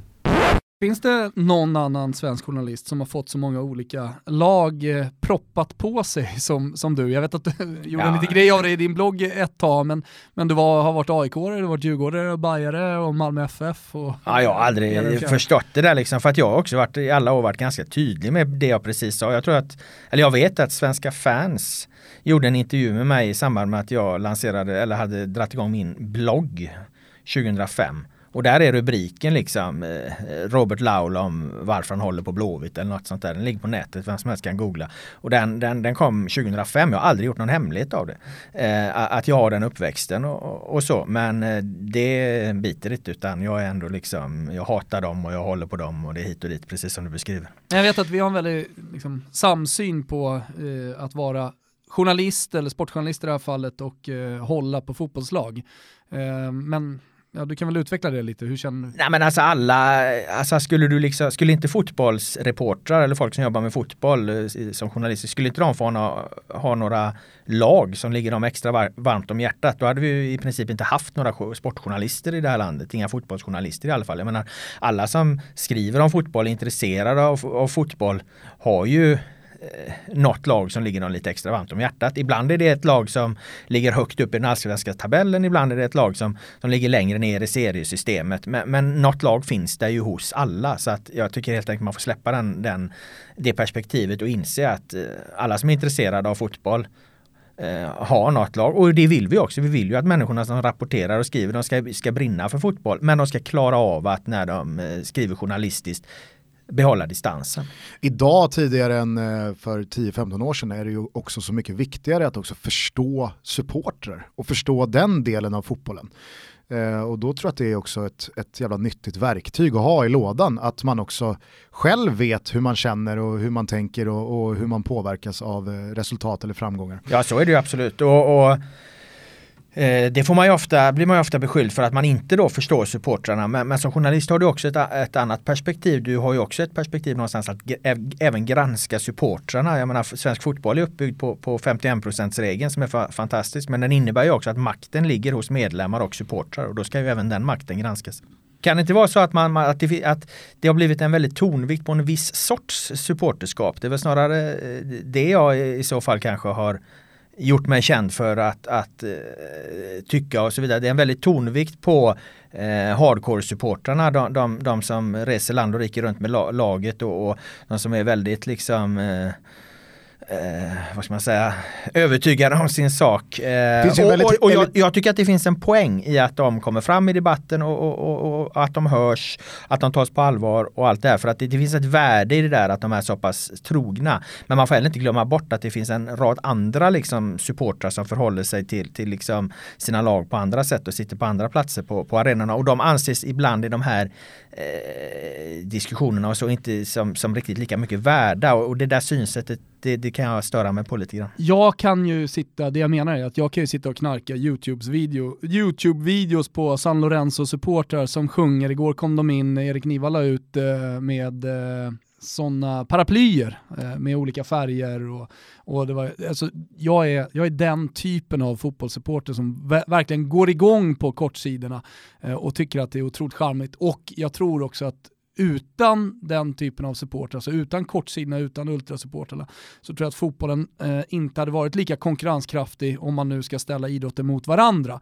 Eh, den gör fotbollen unik eh, tack vare det, det, låt oss säga det lite extrema supporterskapet och därför är det viktigt att värna om det. Eh, men jag tror att när jag, sitter, när jag ligger på nätterna och kanske youtubar så, så handlar det väldigt mycket om då, ja, supportrar runt om i världen och det, det gissade jag eh, handlar kanske inte lika mycket om för Robert. Nej, du har en poäng i det för att jag är ju mer, alltså som journalist är jag ju mer intresserad av spelet och eh, affärerna och, och sådär liksom. mer än, än eh, ja, det läktarskapet och, och sångerna och allt det här liksom. Det, det, det, jag ser inte det som lika intressant att beskriva i min journalistik. Så där, där, är det, där är det en poäng. Jag kan hålla med dig också om att eh, det, det finns verkligen en tydlig elitistisk hierarki det var bland det supportrar. Eh, vilka som då är mer supportrar än andra. Jag kan också tycka att eh, det, det, finns eh, någonting problematiskt i det. Samtidigt som jag kan förstå Eh, killar främst då, men det, det, är såklart att det finns tjejer också som åker land och rike runt och ser varje match och som, som lägger ner sin, eh, sin själ och sitt hjärta och väldigt mycket pengar och väldigt mycket av sin vakna tid på att supporta det här laget. Och att de då till viss del har eh, kanske mer mandat att kräva saker, att det är de som står högre upp i näringskedjan än en medgångssupporter som tar på sig mössan efter tredje raka seger men som inte dyker upp efter tredje raka förlusten. Samtidigt som att de där föder också lite varandra, där jag kan tänka mig att ultras eh, kulturen och supporterna som alltid är där i vått eller torrt, de, de, de kräver ju en respekt som jag till viss del tycker att de verkligen förtjänar. Samtidigt som att problematiken i det ligger ju att man, man, man, kan, man, man måste ha olika synsätt på de olika grupperingarna. Men, jag ska olika, bara, liksom... bara, bara, säga en sak innan vi, eh, jag, såg, jag såg på Robert att han ville säga någonting där, men, men jag tror att det är viktigt att man ser på supporterkulturen som en subkultur. Och det får vi inte glömma bort. Alltså det, det är lätt, du kan inte säga du kan ju tycka absolut, men, men du kan inte diktera reglerna för Eh, vem som ska stå högst upp i någon hierarki. För att det, det, liksom, det får supporterkulturen, det får den här subkulturen lösa. Och framförallt så kan vi inte, kan vi inte gå in och, och liksom peka på hur det borde se ut. Vi kan, ju, vi kan ju tycka att det borde se ut på ett visst sätt. Eh, men, men eh, vi kan inte gå in och börja, som jag sagt flera gånger, börja ändra på punken. Eh, och, och, det kan vi inte göra med supporterna, supporterkulturen heller. Nej, alltså jag, det, jag, det, det, det, är bara det jag menar. Och med det sagt så menar inte jag att det är okej att kasta bengaler i huvudet på tioåriga barn. Det handlar ju såklart inte om det. Men, men ibland blir det för mycket pekpinnar. Mm, ja, verkligen. Och jag försöker och jag, inte jag diktera några då, villkor. Då, eller... då skapar man bara större klyftor, det är jag helt övertygad om. Men sen så är ju svensk supporterkultur, tycker jag, går i bräschen och har gjort på många sätt jämfört med alltså de, de supporterkulturerna som svensk supporterkultur har kollat på och inspirerats av. Jämför med England till exempel som är liksom de, de, den främsta inspirationskällan, eh, i alla fall 80-90-tal. Eh, och sen så har det kommit mer då argentinskt och italienska inslag i, i den svenska supporterkulturen de sena, senare åren. Eh, men, men jag tror att det, det, det, viktiga i alla fall, alltså, och det som svensk eh, supporterkultur har jobbat väldigt bra med, det är banden mellan klubbarna och supporterna, alltså eh, banden också mellan myndigheter och supporterna. Eh, jag menar, och då, det har inte funkat i de här länderna som jag har eh, rabblat upp tidigare, utan där har man satt hårt mot hårt och då tappar man supporterkulturen, då blir det ingenting kvar istället. Nej, och det, och det vill jag bara understryka, att jag kan ju verkligen uppleva en frustration kring att samma ultras eh, supportrar och supporterkultur som man kritiserar när saker och ting inte faller en i smaken, de får inte heller eh, rättvis cred för allt positivt de bidrar med och när det är som bäst så är det ju de som är lika mycket liksom kärnan i det. Mm. Eh, Men det tror jag, jag kan tycka att det finns en obalans i liksom kredit kontra eh, skitkastande. Jag förstår, men det, det, det där handlar mindre om eh, fotbollssupportrar och fotboll och mer om traditionell eh, journalistik. Att du sätter strålkastarljuset på det som inte fungerar. Det som är bra, eh, det, det, låter man ju ofta vara liksom. Fotbollen är ändå ganska extrem kan jag tycka i att fotbollen och även läktarna får väldigt mycket mer eh, beröm än vad kanske andra branscher. och får jag menar kolla på politiken, hur mycket beröm får liksom eh, Löfven? Det är ju bara kritik och jag menar det är så journalistiken fungerar. Eh, att man lägger fokus på det som inte fungerar. Det är liksom inga som sitter liksom och hyllar Socialdemokraternas gräsrötter för att de står och viftar med flaggor när Löfven håller ett tal. Så att det, det, det ligger lite mer i journalistikens natur att man sätter strålkastarljuset på det som inte funkar. Ja, jag kan hålla med dig till viss del, men jag tycker att eh, liksom, ur journalistiskt eh, synsätt så har man också varit bra på att uppa publikfester och stora siffror och den svenska supporterkulturen. Men då känns det snarare som att den positiva, eh, de positiva tongångarna och det, det, det högsta betyget tillfaller då de andra supportrarna än ultrasgrupperingarna och, och de supportrarna som, som står där eh, när det även är i eh, den journalistiska världen då, dåligt. Eh, hur som helst, jag, jag, skulle bara vilja gå tillbaka snabbt till IFK Göteborg där, för Thomas nämnde ju eh, den biten eh, tidigare i avsnittet, men du skrev ju eh, ett väldigt uppmärksammat Facebook-inlägg i höstas när det stormade som mest runt eh, IFK Göteborg och inte då minst eh, Poya Asbaghi, som du väl i texten kallade för pajas? Nej. Inte det? Bluff. Är det fake news? ja, alltså jag kallar honom inte för pajas utan jag skrev att uh, han som fotbollstränare uh, var, var en bluff. I förhåll... Ja, du kallade honom för bluff. Men kommer ja. du inte ihåg när, när du skrev det här? Ja. Vi, vi, har nämligen lite skämtsamt kallat uh, vissa stora talanger i världsfotbollen för bluff mm. ibland i Toto. Eh, och så när du skrev det här och kallade Poja för bluff, då var det ju många som hörde av sig till oss och sa fan nu, nu har Lau lyssnat på Toto, för han använde ordet bluff lite som ni använder ordet bluff. Ja, jag kapar, jag kapar ordet från er alltså. Ja, jo, omedvetet kanske. Du har dessutom kapat Thomas Pek på bilderna här med det, allsvenska sportchefer. Nu har du du kan inte göra det längre.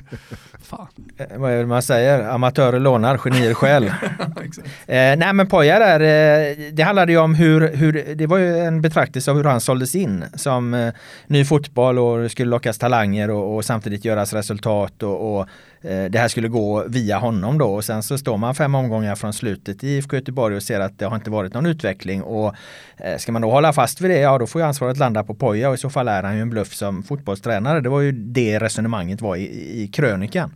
Eh, Pajas kallar jag honom inte då, det, det, vill jag vara tydlig med så att inte det kommer ut. Men, men, eh, utan det var det ordet jag använde och han och sen, tog, sen har ni hörts, eller hur? Ja, han tog väldigt illa vid sig över det och där hamnade jag ju liksom där hamnade jag som journalist i en krock med mitt liksom, nya liv där, där, där jag inte ska behandla människor dåligt. Och, och eh, Det här är ju svårt att förklara men jag står för att jag i den kröniken kallar honom för bluff som fotbollstränare och, och jag står för alla ord i kröniken. Men jag kan ändå ringa upp honom och säga att jag är ledsen för att han tog illa vid sig för att jag måste ge honom tolkningsföreträde. Om han blir jävligt sårad av något som jag skriver, då kan inte jag, då kan inte jag vifta bort det och säga ah, du får tåla det. Utan då får jag helt enkelt lyssna på han och, och han blev sårad och ledsen över det och då får jag, då får jag be honom om, om ursäkt för det fastän jag står för det. Jag vet jag inte, om, jag vet Nej, inte om det, folk förstår det, det men, men, men alltså det är ju alltid när vi kritiserar folk, ni kritiserar ju också folk liksom. Mm. Någonstans är det ju de vi kritiserar som har tolkningsföreträde och i de, de fall någon tar jävligt illa vid sig, ja då får man väl då får man väl vara stor nog och, och be om ursäkt då fastän man själv tycker att man ska kunna kalla en, en, en tränare för en av Sveriges största föreningar som går väldigt dåligt för, för bluff som fotbollstränare. Det tycker jag fortfarande att vi måste kunna göra. Och jag menar ni säger själva att ni, ni kallar folk här, här för, för, för bluff emellanåt. Så ni tycker uppenbarligen också det att vi, ja. kan, vi kan kritisera så. Men, ja. men, men eh, jag tror att uh Ja, Gusten kan ju fylla i här, men jag har ju ända sedan i somras varit lite emot hela det här eh, med, med Poja, hans fotboll och, och, jag läste ju det här på Facebook eh, innan det kom ut som en artikel på Sportbladet och höll ju med i exakt det, du, det du skrev. Och det var precis så jag hade resonerat i den här podcasten eh, tidigare. Vad, vad tycker du IFK Göteborg är på väg i för riktning här nu när de har anställt en ny tränare nu som ska göra succé med det spelarmaterialet som finns? Ja, ja, det är ju många som, det är många som tittar på IFK Göteborg nu och säger att ah, det här blir, ja, då har de ansett honom istället för Ferran att köpa... Sibila ja, från GIF ja, Sundsvall. Han, han, han, man brukar ju prata om det här uttrycket polera en bajskorv. Eh, det, eh, det, kanske låter lite vidrigt, men, men alltså, spelarmaterialet är ju fortfarande vad det är. Hur stor succé kan man göra som tränare? Vad, vad tror du om Göteborgs kortsiktiga framtid här? Nej men man kan ju inte göra någonting eh, så länge du inte har ett spelarmaterial. Jag menar en assisterande tränare kommer ju inte betyda någonting. Det, det har blivit ett väldigt konstigt perspektiv på, på just eh, Sibia som person.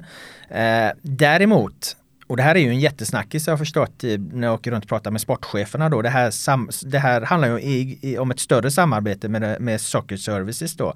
Och, och de tillhandahåller ju också spelare. Och om Ferran Sibia är en del av att det också kommer komma x antal liksom, eh, spanjorer från, från eh, andra divisionen eller tredje divisionen i Spanien som skulle vara jävligt bra i Sverige. Ja då är det klart att då hamnar ju frågan på, på en annan nivå. Då kommer det där förmodligen vara ganska bra för IFK Göteborg. Men en assisterande tränare, Ferhan Sibia, han kommer inte eh, röra IFK Göteborg kortsiktigt i en enda riktning bättre. För så funkar det inte. Du måste ju ha in spelarna också. Det är ett mycket, mycket längre och större eh, arbete och projekt än så om man ska få en, en tränare tränare ska få en direkt utväxling på, på en i grunden väldigt begränsad spelartrupp som, som IFK Göteborg med. Och om han nu skulle vara en sån fantastisk trollkarl som vissa fans verkar liksom förhålla sig till det, ja då, då borde han ju vara första tränare. Men eh, om jag då eh, spelar djävulens advokat här och eh, tar då GIF Sundsvall som ett motbud, för visst, det har kommit in ett par spanjorer som verkligen gjorde skillnad.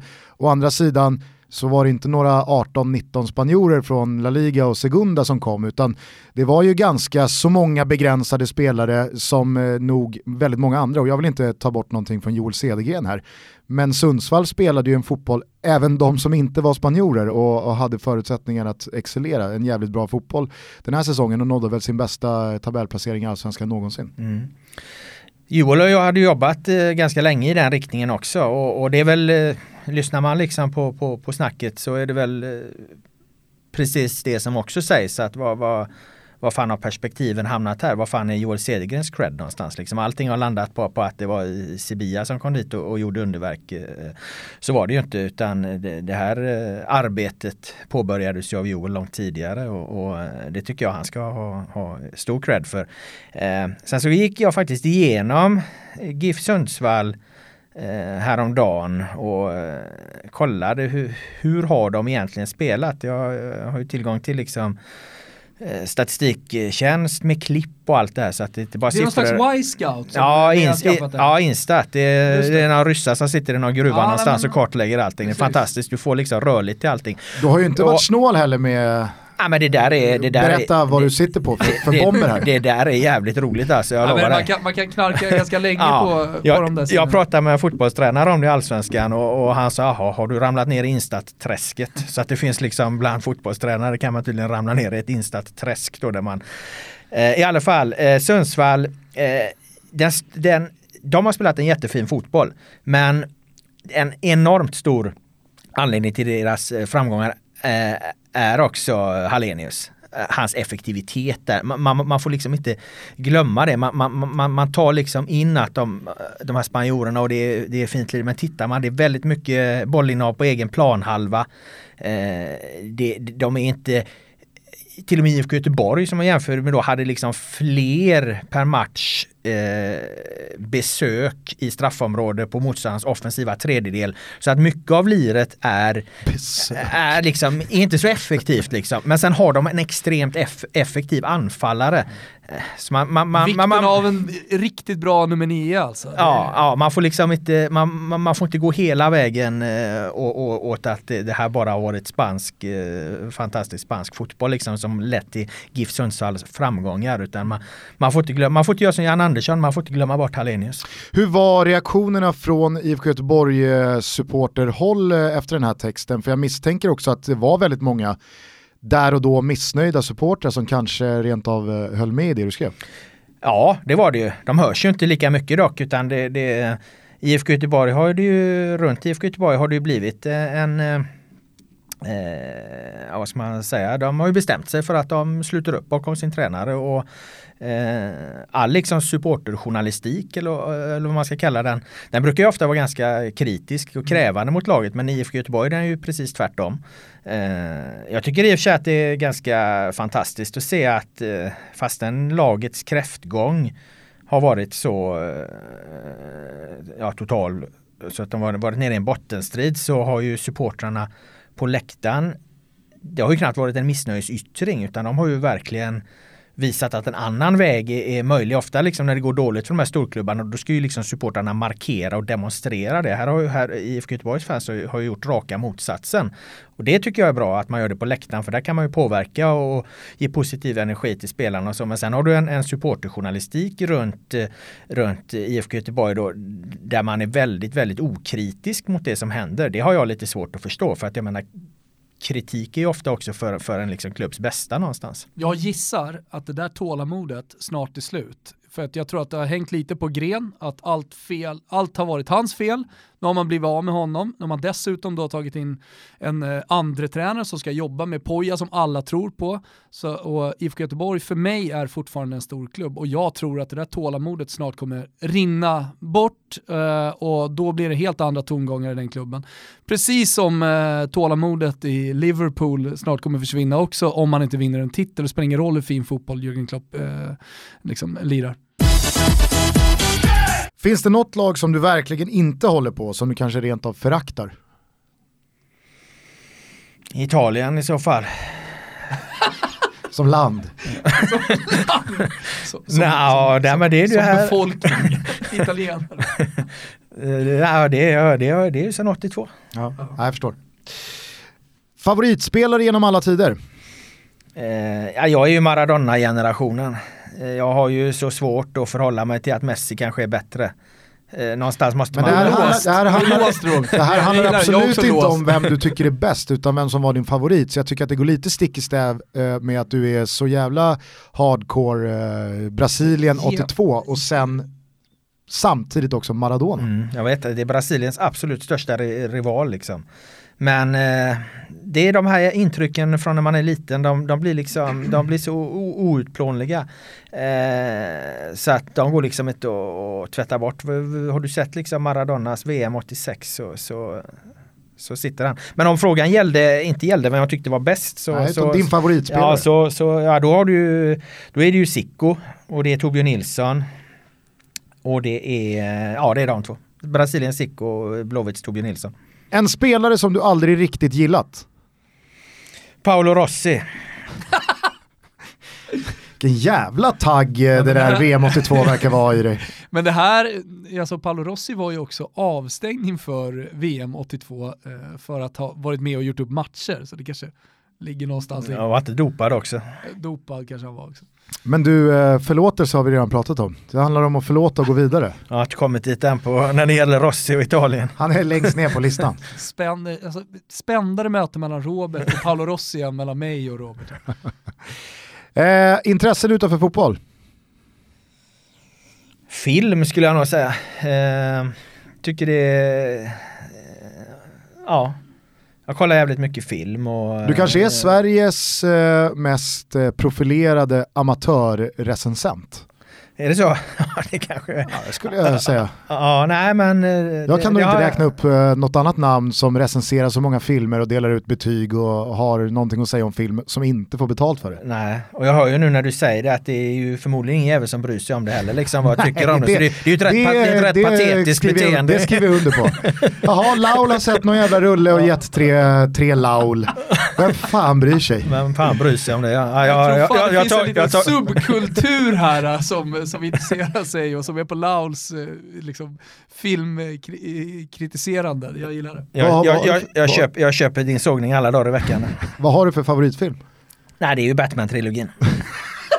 Det Nolans eh, Dark Knight-trilogi, fantastisk. Ja, no, alltså förvisso, men det är ju inte speciellt, det är inga kreddiga filmer att ha som Det är därför favoritfilmer. man gillar Laul som filmrecensent snarare än någon, någon jävel från eh, SVTs kultursida. Ja, men bäst förra året var eh, Du kollar ju Three inte- Billboards Outside Ebbing, Missouri, så att det är väl lite djupare i alla fall. Men du kollar ju inte på många icke-engelskspråkiga filmer. Det gör jag faktiskt inte. Nej, är det spanskt eller franskt skit, då slår ju Laul av. Nej, det här är en överstruken uh, Laul från, från min sida. En person utanför fotbollen som du ser upp till av olika anledningar. Ja, det här är ju viktigt eh, vad man svarar, men eh, Daniel Kristoffersson på Expressen svarade Göran Persson. det var oväntat. Det tyckte vi också. Det tyckte vi med. Ja, jag skulle säga, då ska jag säga så här att inom, inom A då, Anonyma Alkoholister som jag har gått, så har man någonting som kallas sponsorer och det är liksom en person, man får liksom en, en eh, person som hjälper en genom tolvstegsprogrammet och, och förklara saker och ting och jag måste säga att den snubben som jag hade där, jag kan inte ge någon namn på det men eh, det är fan med få människor som har, har lärt en så mycket om att förändra eh, destruktiva och negativa tankemönster liksom. Att att liksom identifiera när man blir alldeles för, för egoistisk eller när man ja, sätter sig själv eh, före på, på ett jävligt dåligt sätt. Och så. Eh, han, han hjälpte mig att, att, förändra mycket i tankar som har varit väldigt viktigt i, i min nykterhet. Så jag säger min sponsor, han eh, har betytt jävligt mycket. Ja, fint. Eh, din fetaste fotbollsupplevelse någonsin? VM 2006. Eh, Italien, Tyskland. Och det här går ju lite emot. Semi. Ja, det här går lite emot då Italien som en tagg i mig. Men det var en, en, en, en sån jävla fotbollsmatch alltså. Eh, Italien eh, vann ju där. Och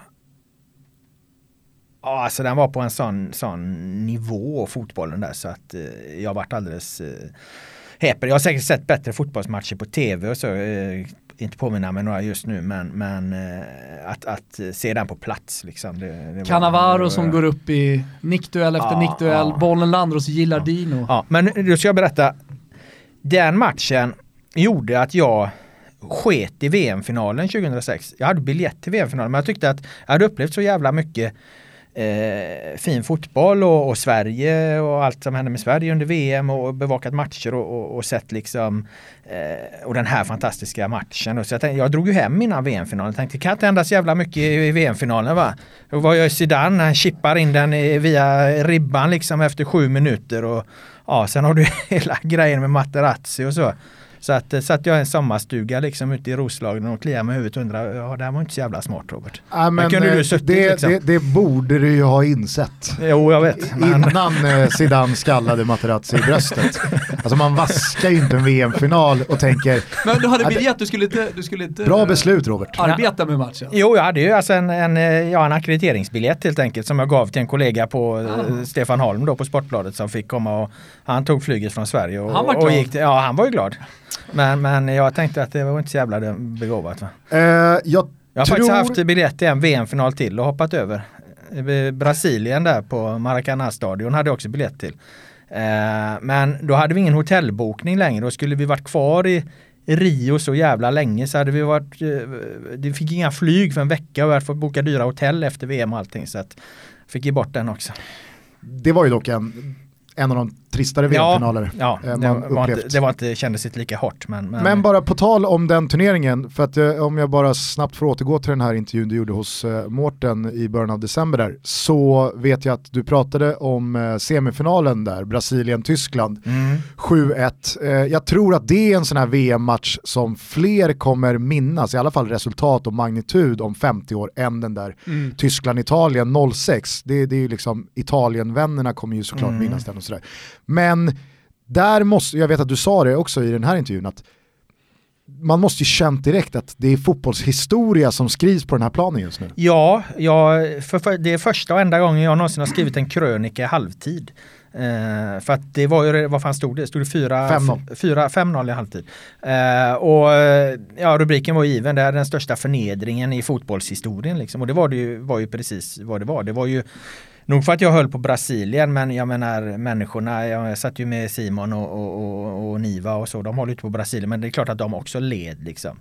Eh, de ty, alltså, fan, var, var, lite snälla mot dem, alltså Tyskland, herregud. Mm. Nej, det var ju fruktansvärt och dagen efter där så Hela det landet hade ju i en månads tid varit helt gult. Alla gick runt i gula Neymar-tröjor och sen liksom bara, bara, bara över en natt liksom så var det helt bortsvept. Allt hade återgått till Eh, till vardag igen. Eh, VM tog slut så extremt tydligt och Brasiliens sätt att förhålla sig till den här förlusten det är ju liksom inte att försöka analysera vad fan gick snett och hur ska vi inte upprepa det här igen och så utan man har ju helt enkelt förträngt det. Man har sagt att det har inte hänt.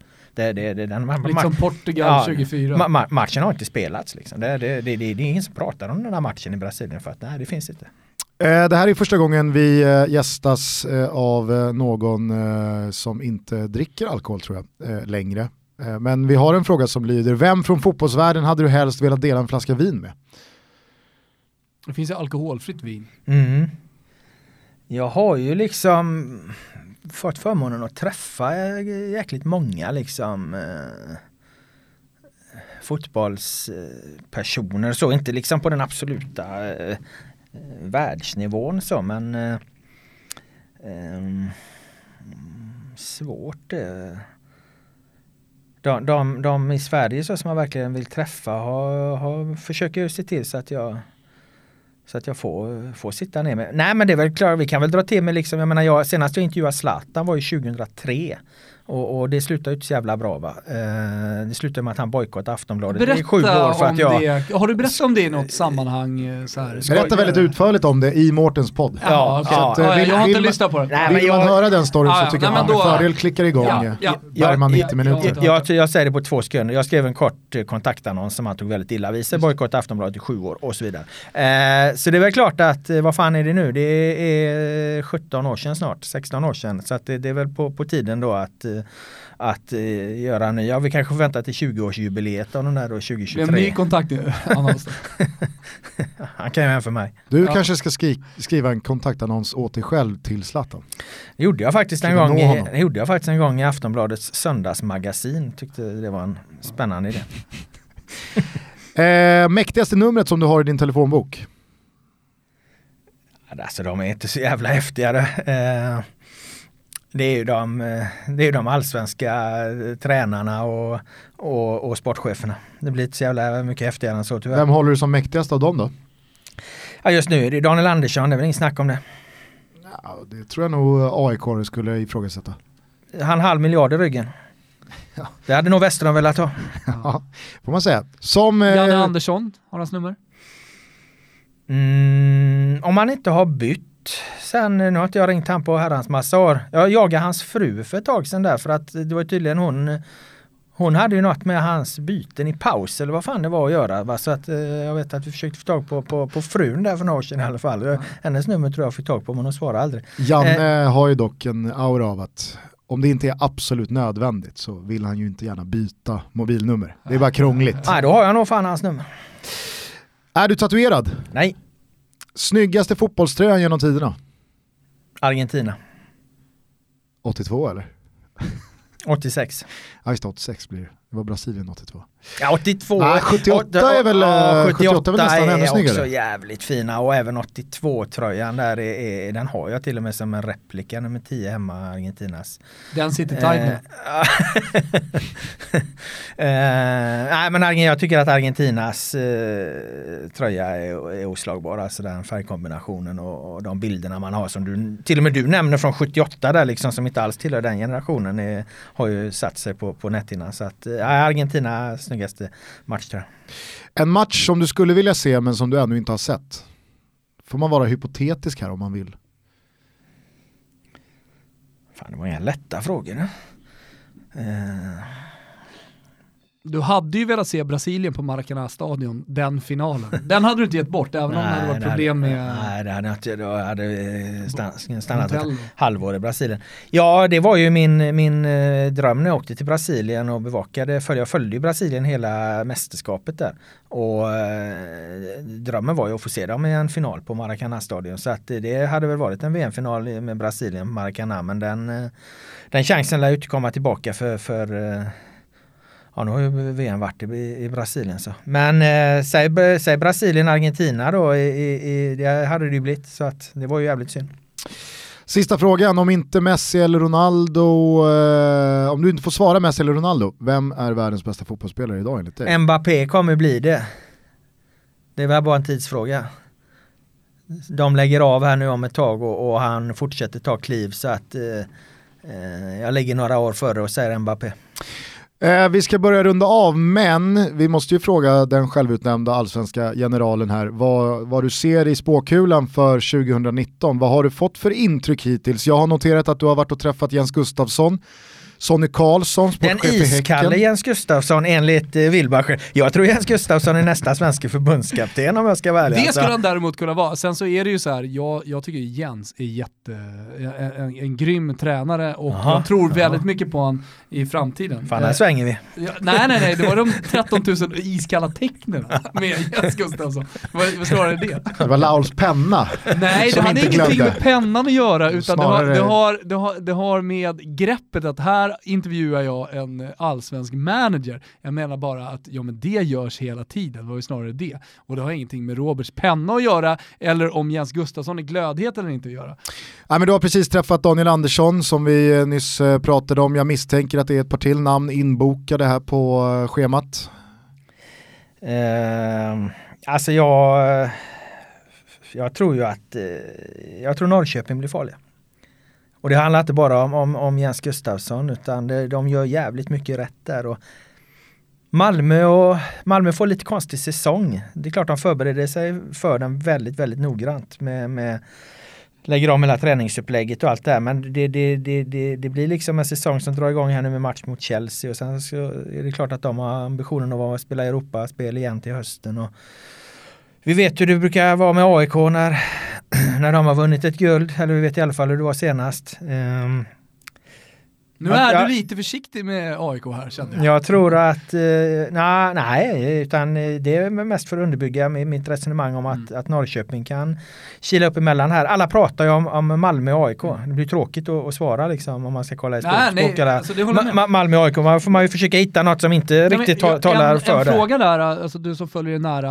Eh, när det gäller Malmö. Mm. Tolkar du på något sätt det här med att Jens Fjällström försvinner? Eh, man har gjort sig av tidigare Olof med, med, Olof Persson eh, också. Eh, hur, eller hur tolkar du det? Jag tolkar det som att eh, de, har ju, de satsar på två tydliga assisterande, Georgsson och Kelly där till, till, till Rössler och, och, det är ju så han vill ha det. Och sen vill de ha in en tydlig eh, videoanalytiker. Jens hamnar i något slags mellanläge där han var ju liksom assisterande agerande slash videoanalytiker och, och vad jag förstår så, så, så, tror jag inte han ville det. Han ville nog vara liksom mer hands-on på, på, på planen ändå. Och, och, det blir ja, liksom då blir mer det och mer Rössler, Rössler ja, Nu blir det ju Rössler, två assisterande och en uttalad videoanalytiker. Det kommer bli Malmös upplägg då och, och ja, då tar de ju ett steg till till att eh, vässa eller renodla organisationen i, i tydligare roller. Eh, med det sagt inte att, att Jens Källström på något sätt var dålig eller att någon annan är bättre utan mer att de, de, det blir väldigt tydligt vem som gör vad. Så att jag ser det som att Malmö tar ett, ett, ett steg till i, rätt riktning och, och, och Fjällström tar, tar ett steg till i rätt riktning för sin karriär. Jag tycker att du bara nämner en eh, spännande och intressant detalj här med Malmös säsong. Nu är ju inte underlaget på hur det brukar gå speciellt matigt i och med att det inte sker speciellt ofta att ett svenskt lag går vidare eh, i eh, en europeisk eh, cup. Östersund gjorde det förra året där ja, och de, de, fick och, väl en liten reaktion och det, på exakt, det. Liksom. och det var det exemplet eh, jag skulle landa i. Eh, nu gör ju inte en fluga en sommar, men om man utgår från hur Östersund då skulle vara på topp eh, fysiskt och spelmässigt redan i mitten på februari när man alltså ställdes mot Arsenal så såg man ju sen då, du pratar om en reaktion, eh, du och jag brukar ju diskutera men lag som tränar ner sig och att det då kommer en, en, en, en, en period av då sämre resultat där man ser att det här laget inte är slag. De gjorde ju en väldigt svag vår sett till eh, vad de hade uträttat året innan. Man slår dessutom Arsenal på Emirates eh, bara någon månad, en och en halv innan. Eh, sen så självklart förstår jag också att det, det fanns en hel del spelare där som luften gick ur en. Det blev inte mycket mer eh, än Arsenal i 16-delsrundan och många satt på utgående kontrakt och visste att jag ska snart lämna och så vidare. Det spelade såklart in.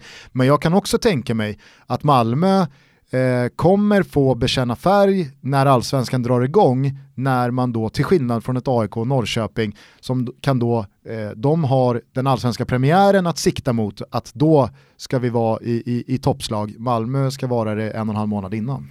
Ja, jag, jag tror att det, det det behöver inte vara, egentligen vara ett bekymmer för Malmö för att de har som sagt en så stor plånbok och, och, och de kan liksom bygga en trupp eh, för att hantera det. Det är något som de har haft tid att planera eh, så att de vet vad de vill göra. De anpassar liksom de sätter igång liksom och kör någon italiensk upp i bergen och springträningsläger eh, eh här nu mer eller mindre på hemmaplan. De har ju kört som fan med tre pass om dagen och, och sådana här, såna här bitar. De har inga berg att springa i Malmö men de springer upp och ner för Hallandsåsen eller vad fan de nu gör liksom. Men tränar i alla fall jävligt hårt. Va? Och, eh, det kan säkert bli jättebra, men, men det, min poäng är att de vet inte. Det här är något liksom ändå nytt för Malmö som de ska göra. Som de, de har liksom inte facit på exakt hur kommer det här bli sen framåt hösten och, och när det blir extremt mycket mer matcher. Och jag, Rösslers idé kring det hela är väl liksom att vi måste kunna leverera även när vi är fysiskt nedkörda. Liksom. Att det, det, det är det man bygger för. Och det är klart, det, det låter klokt men, men Eh, det är något man inte har gjort förut på det, på det sättet som man nu ska göra, så det är något nytt man ska göra. Ja, sen får vi se hur många eh, fler matcher det blir än en vanlig säsong för Malmö FF. Eh, troligtvis så blir det ju bara två matcher mot Chelsea och sen så är man ute ur Europa League. Eh, och, och, och, sen så är det ju inte no, no, några nyheter för Malmö FF att Champions League-kvala samtidigt som man ska eh, spela allsvenskan. Så att, eh, ja, men det, det, ska bli intressant att se i alla fall. Jag, eh, jag tycker dock att eh, Malmö, AIK med Norrköping som en tydlig outsider, ah, det är väl inte att sticka ut hakan så jättemycket. Vilka tror du eh, kommer få det jobbigt i år? Um, jag tror att Göteborg kommer få det väldigt jobbigt. Uh, jag tror att Elfsborg hade det uh, jobbigt men det känns som att Elfsborg har kommit längre i att ha det mindre jobbigt än vad Göteborg just nu har gjort. Så att eh, om man kollar på de två eh, lagen som ju kan bli väldigt intressanta för en, en, eh, en bottenstrid liksom, så, så, tror jag större risk att IFK Göteborg ramlar ett par positioner bakåt och Elfsborg tar ett par framåt. Helsingborg får man säga är en eh, potent nykomling jämfört med många lag som har tagit steget upp på senare år. Va, va, vad tror du om HFs eh, liksom allsvenska existens och aktiestatus? Ja, alltså deras eh, eh möjligheter eh, att prestera bra på planen liksom, de ifrågasätter jag inte. Det är väl i så fall återigen då med deras ekonomi man funderar lite på. Det känns ju lite, vad ska man använda för ord? Det är lite, är lite utan att få, få halva Helsingborg på mig här nu. Men är det inte liksom lite respektlöst att, att komma upp här nu igen och återigen vara så nära att ha så stora liksom ekonomiska eh, bekymmer. Jag, jag hoppas att de har eh, koll på det som styrelsen då hävdar även om det liksom finns siffror som talar, talar på motsatsen för, för att liksom återigen komma upp liksom med, med, med enorma ekonomiska problem. Det, ja. det känns som att allsvenskan vi ska vara förbi det nu liksom, att det ska vara ordning och reda på ekonomin. Är Granqvist nu alltså 100% spelande sportchef? Det, jag träffade Stefan Andreasson eh, här i veckan och eh, han var, när han liksom runt 2000 då, då hade han den rollen liksom i Elfsborg och han beskrev ju det som på, på, på forntiden någonstans att liksom fan, då var jag spelande sportchef och B.A. Strömberg som de hade som tränare då, han glömde av honom i truppen och så för att ja men vad fan var inte du sport? sportchef liksom så att det låter ju nästan mer som, som så här amatörmässigt så, ja, lite svårt att se att, att det där ska gå ihop. Eh, I så fall är det väl mer att, att någonstans att han, han spelar här nu och, och förbereder sig inför att gå in i en mer uttalad roll som det. Sista pucken bara, så här i slutet av januari, vad, vad känner du kring Djurgården-Hammarby och den eh, stadskampen om man nu får se det som ett litet eh, slag bakom AIK? Eh, att Hammarby jobbar jävligt konsekvent och målmedvetet på att eh, Alltså när du kommer till Malmö och, och besöker Malmö, det har ju du också varit Gusten och, och, och besökt och gjort reportage och så. När du kommer dit liksom, då, då känner du bara att Wow, fan vad professionellt allt är liksom. Det, det, det, det, det strålar i alla, alla delar av verksamheten någonstans.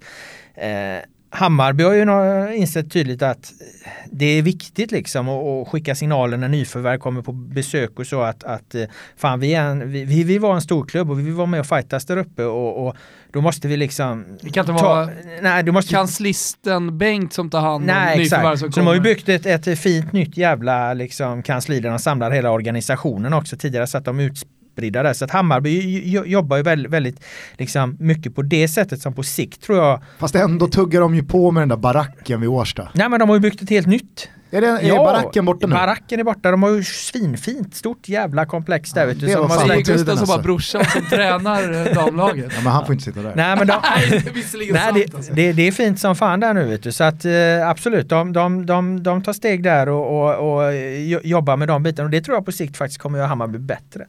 Eh, det, det ger en, en ja, Där får man ju säga att Djurgården bättre... har det lite tuffare som delar Kaknäs ja. med en rysk eh, turistorganisation. Men, men, samtidigt skulle jag säga att Djurgården då gör ju gör ju ganska så liksom spetsiga värvningar här. Tar de nu Ajdarevic också så, så, så det är klart att, att det finns mycket kvalitet. Sen är jag Sen är jag ju då jävligt nyfiken på hur, hur eh, Bergstrand och Lagerlöf ska få ihop allt det här då. För jag menar Ajdarevic är ju inte någon jätteenkel person i alla lägen kanske att hantera och, och så han är ju en gudabenådad fotbollsspelare med allsvenska mått mätt med sin vänsterfot och, och spelsinne och så. Eh, och sen har du då börjat Turay där som jag är lite skeptisk till hur de ska använda. Men det, det, finns en jävla kvalitet i det här laget. Alltså Erik Berg och om man tittar liksom på, på spelarna så är de ju på väg att få ett ruggigt jävla lag alltså. Men, men Eh, det ska funka också. Fan, du ska ha att du är den första som eh, benämner honom som Erik Berg. Jag har inte ja. hört någon... Eh, Nej, som, faktiskt första gången. Ja. Jag satt och som... funderade lite, Erik Berg? ja. Det är alltså Erik Johansson vi pratar om som har gift sig med Karina Berg och tagit eh, hennes efternamn och numera alltså heter Erik Berg. Mm. Ja, det blir eh, otroligt spännande att följa eh, ja, dels allsvenskan i stort men i synnerhet eh, Stockholmslagens framfört här. Vi såg eh, nu precis innan vi klev in i studion att Obasi är tillbaka i AIK. Eh, spontan känsla kring den värvningen? Ja, återigen eh, damma av en gammal intervju jag gjorde i veckan. Jag satt med Stefan Andreasson då som sagt igen och han pratade om att Obasi befann sig i Los Angeles och Elfsborg är på träningsläger i Florida, träningsläger i Florida och Obasi skulle tydligen ta sig till Florida från Los Angeles. Fast jag tror inte Andreasson hade riktigt koll på hur jävla långt det är mellan Los Angeles och Florida. Så jag fick ju förklara att ska ni sätta Andreasson har inte susning. Ska ni sätta på uh, Obasi på en greyhoundbuss där så har framme om två veckor. Men då verkar tagit ett flyg till, till, till Karlberg istället då och skrivit på för AIK om han nu är här. Eh, jag blev lite överraskad måste jag säga när jag såg att han plötsligt var, var, var, var klar där. För jag trodde han liksom hade eh, ja, satt eh, på något, eh, någon diner i Texas någonstans och, och väntar på nästa avgång mot Florida. Men det gjorde han uppenbarligen inte då. Vad säger du då om att AIK tar tillbaka Obasi då för en tredje sejour? Alltså jag tycker det är så oerhört svårt. Alltså när det är spelare som har en höjd som Obasi har, eh, men där det finns då saker som kanske går emot, hans ålder, eh, jag vet inte, han har inte varit helt fullständigt briljant i Elfsborg heller. Eh, så, så, så, är det svårt att landa i, i någonting. Du pratade om att vara svart eller vit tidigare, så är ju supportrar generellt sett. Eh, så jag hör ju redan hur tongångarna går bland AIK-are, trots att det har, liksom bara, det har varit ute en halvtimme, så är det liksom de som eh, tycker att det här kommer gå åt helvete, det här är, helt, det här är AIK helt snett på det, Eh, medan eh, vissa då minns hur bra han var i AIK första sessionen när han kom och verkligen gjorde skillnad. Eh, men alltså så här, om jag får välja om jag ska vara helt ärlig, för att välja att ha Oba, en Obasi eller inte en Obasi så har jag gärna en Obasi. Men du, jag ska berätta vad Andreasson sa, för jag frågade lite mer om det och han sa det att visst, eh, Obasi kanske inte gjorde så många mål som alla hade önskat när han var i Elfsborg här då, när han kom där och skulle rädda dem i, i höstas. Men alltså som, som spelare i Elfsborgs grupp och trupp så var han ett, ett superproffs alltså.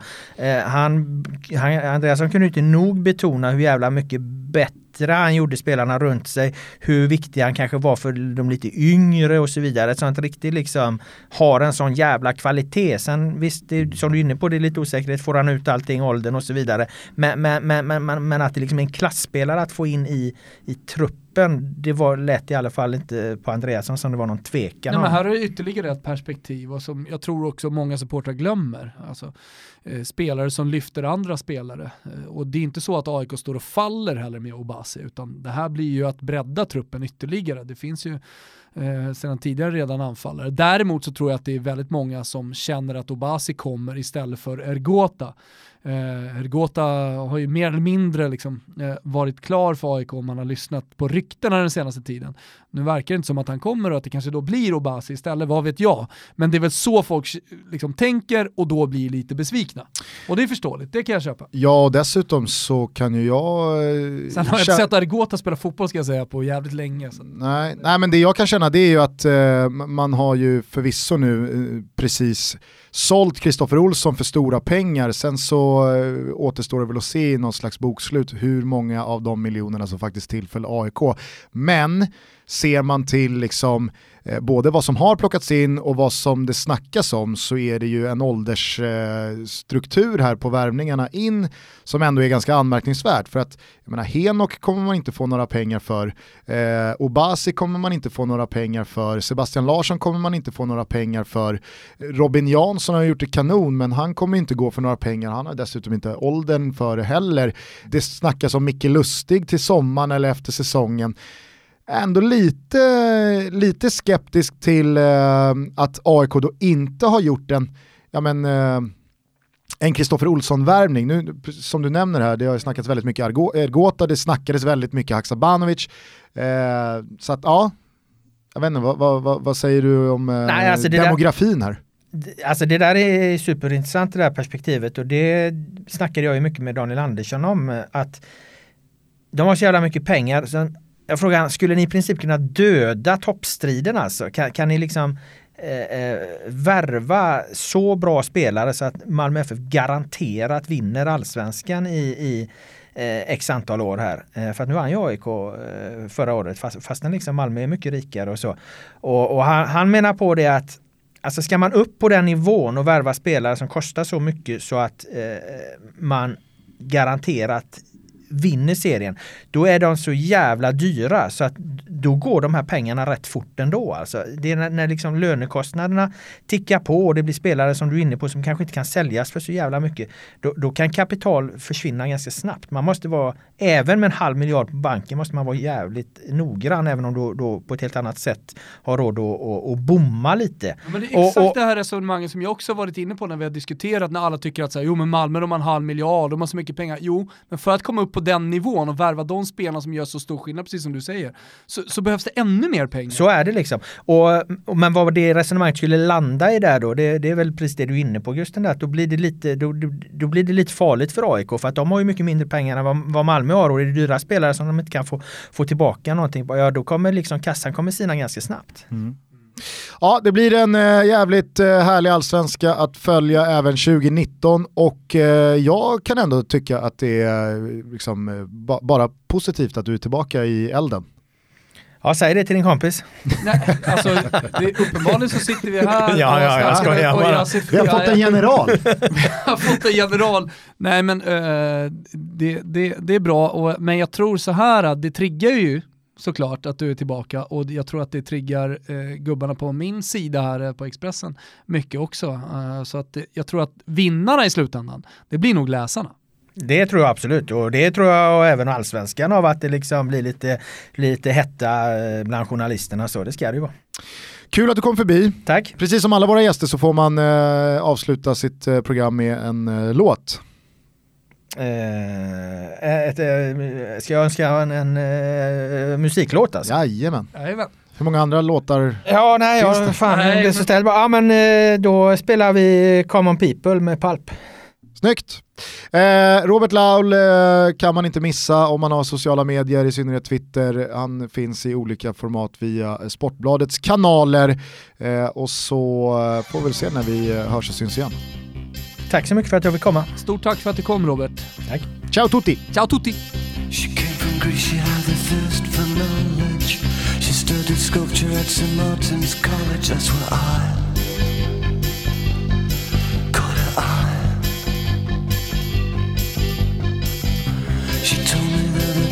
was loaded. I said, in that case, I'll have rum and Coca-Cola. She said, fine. And then in 30 seconds time, she said, I wanna live like common people. I wanna do whatever common people do. Wanna sleep with common people. I wanna sleep with common people like you. What else? Could I do? I said, oh, I'll see what I can do. I took her to a supermarket. I don't know why, but I had to start it somewhere. So it started there. I said, pretend you got no money. And she just laughed and said, oh, you're so funny. I said, yeah. I can't see anyone else smiling. Are you sure? You wanna live like common see whatever common people see. Wanna sleep with common people. You wanna sleep with common people like me. But she didn't understand. And she just smiled and held my hand. I went to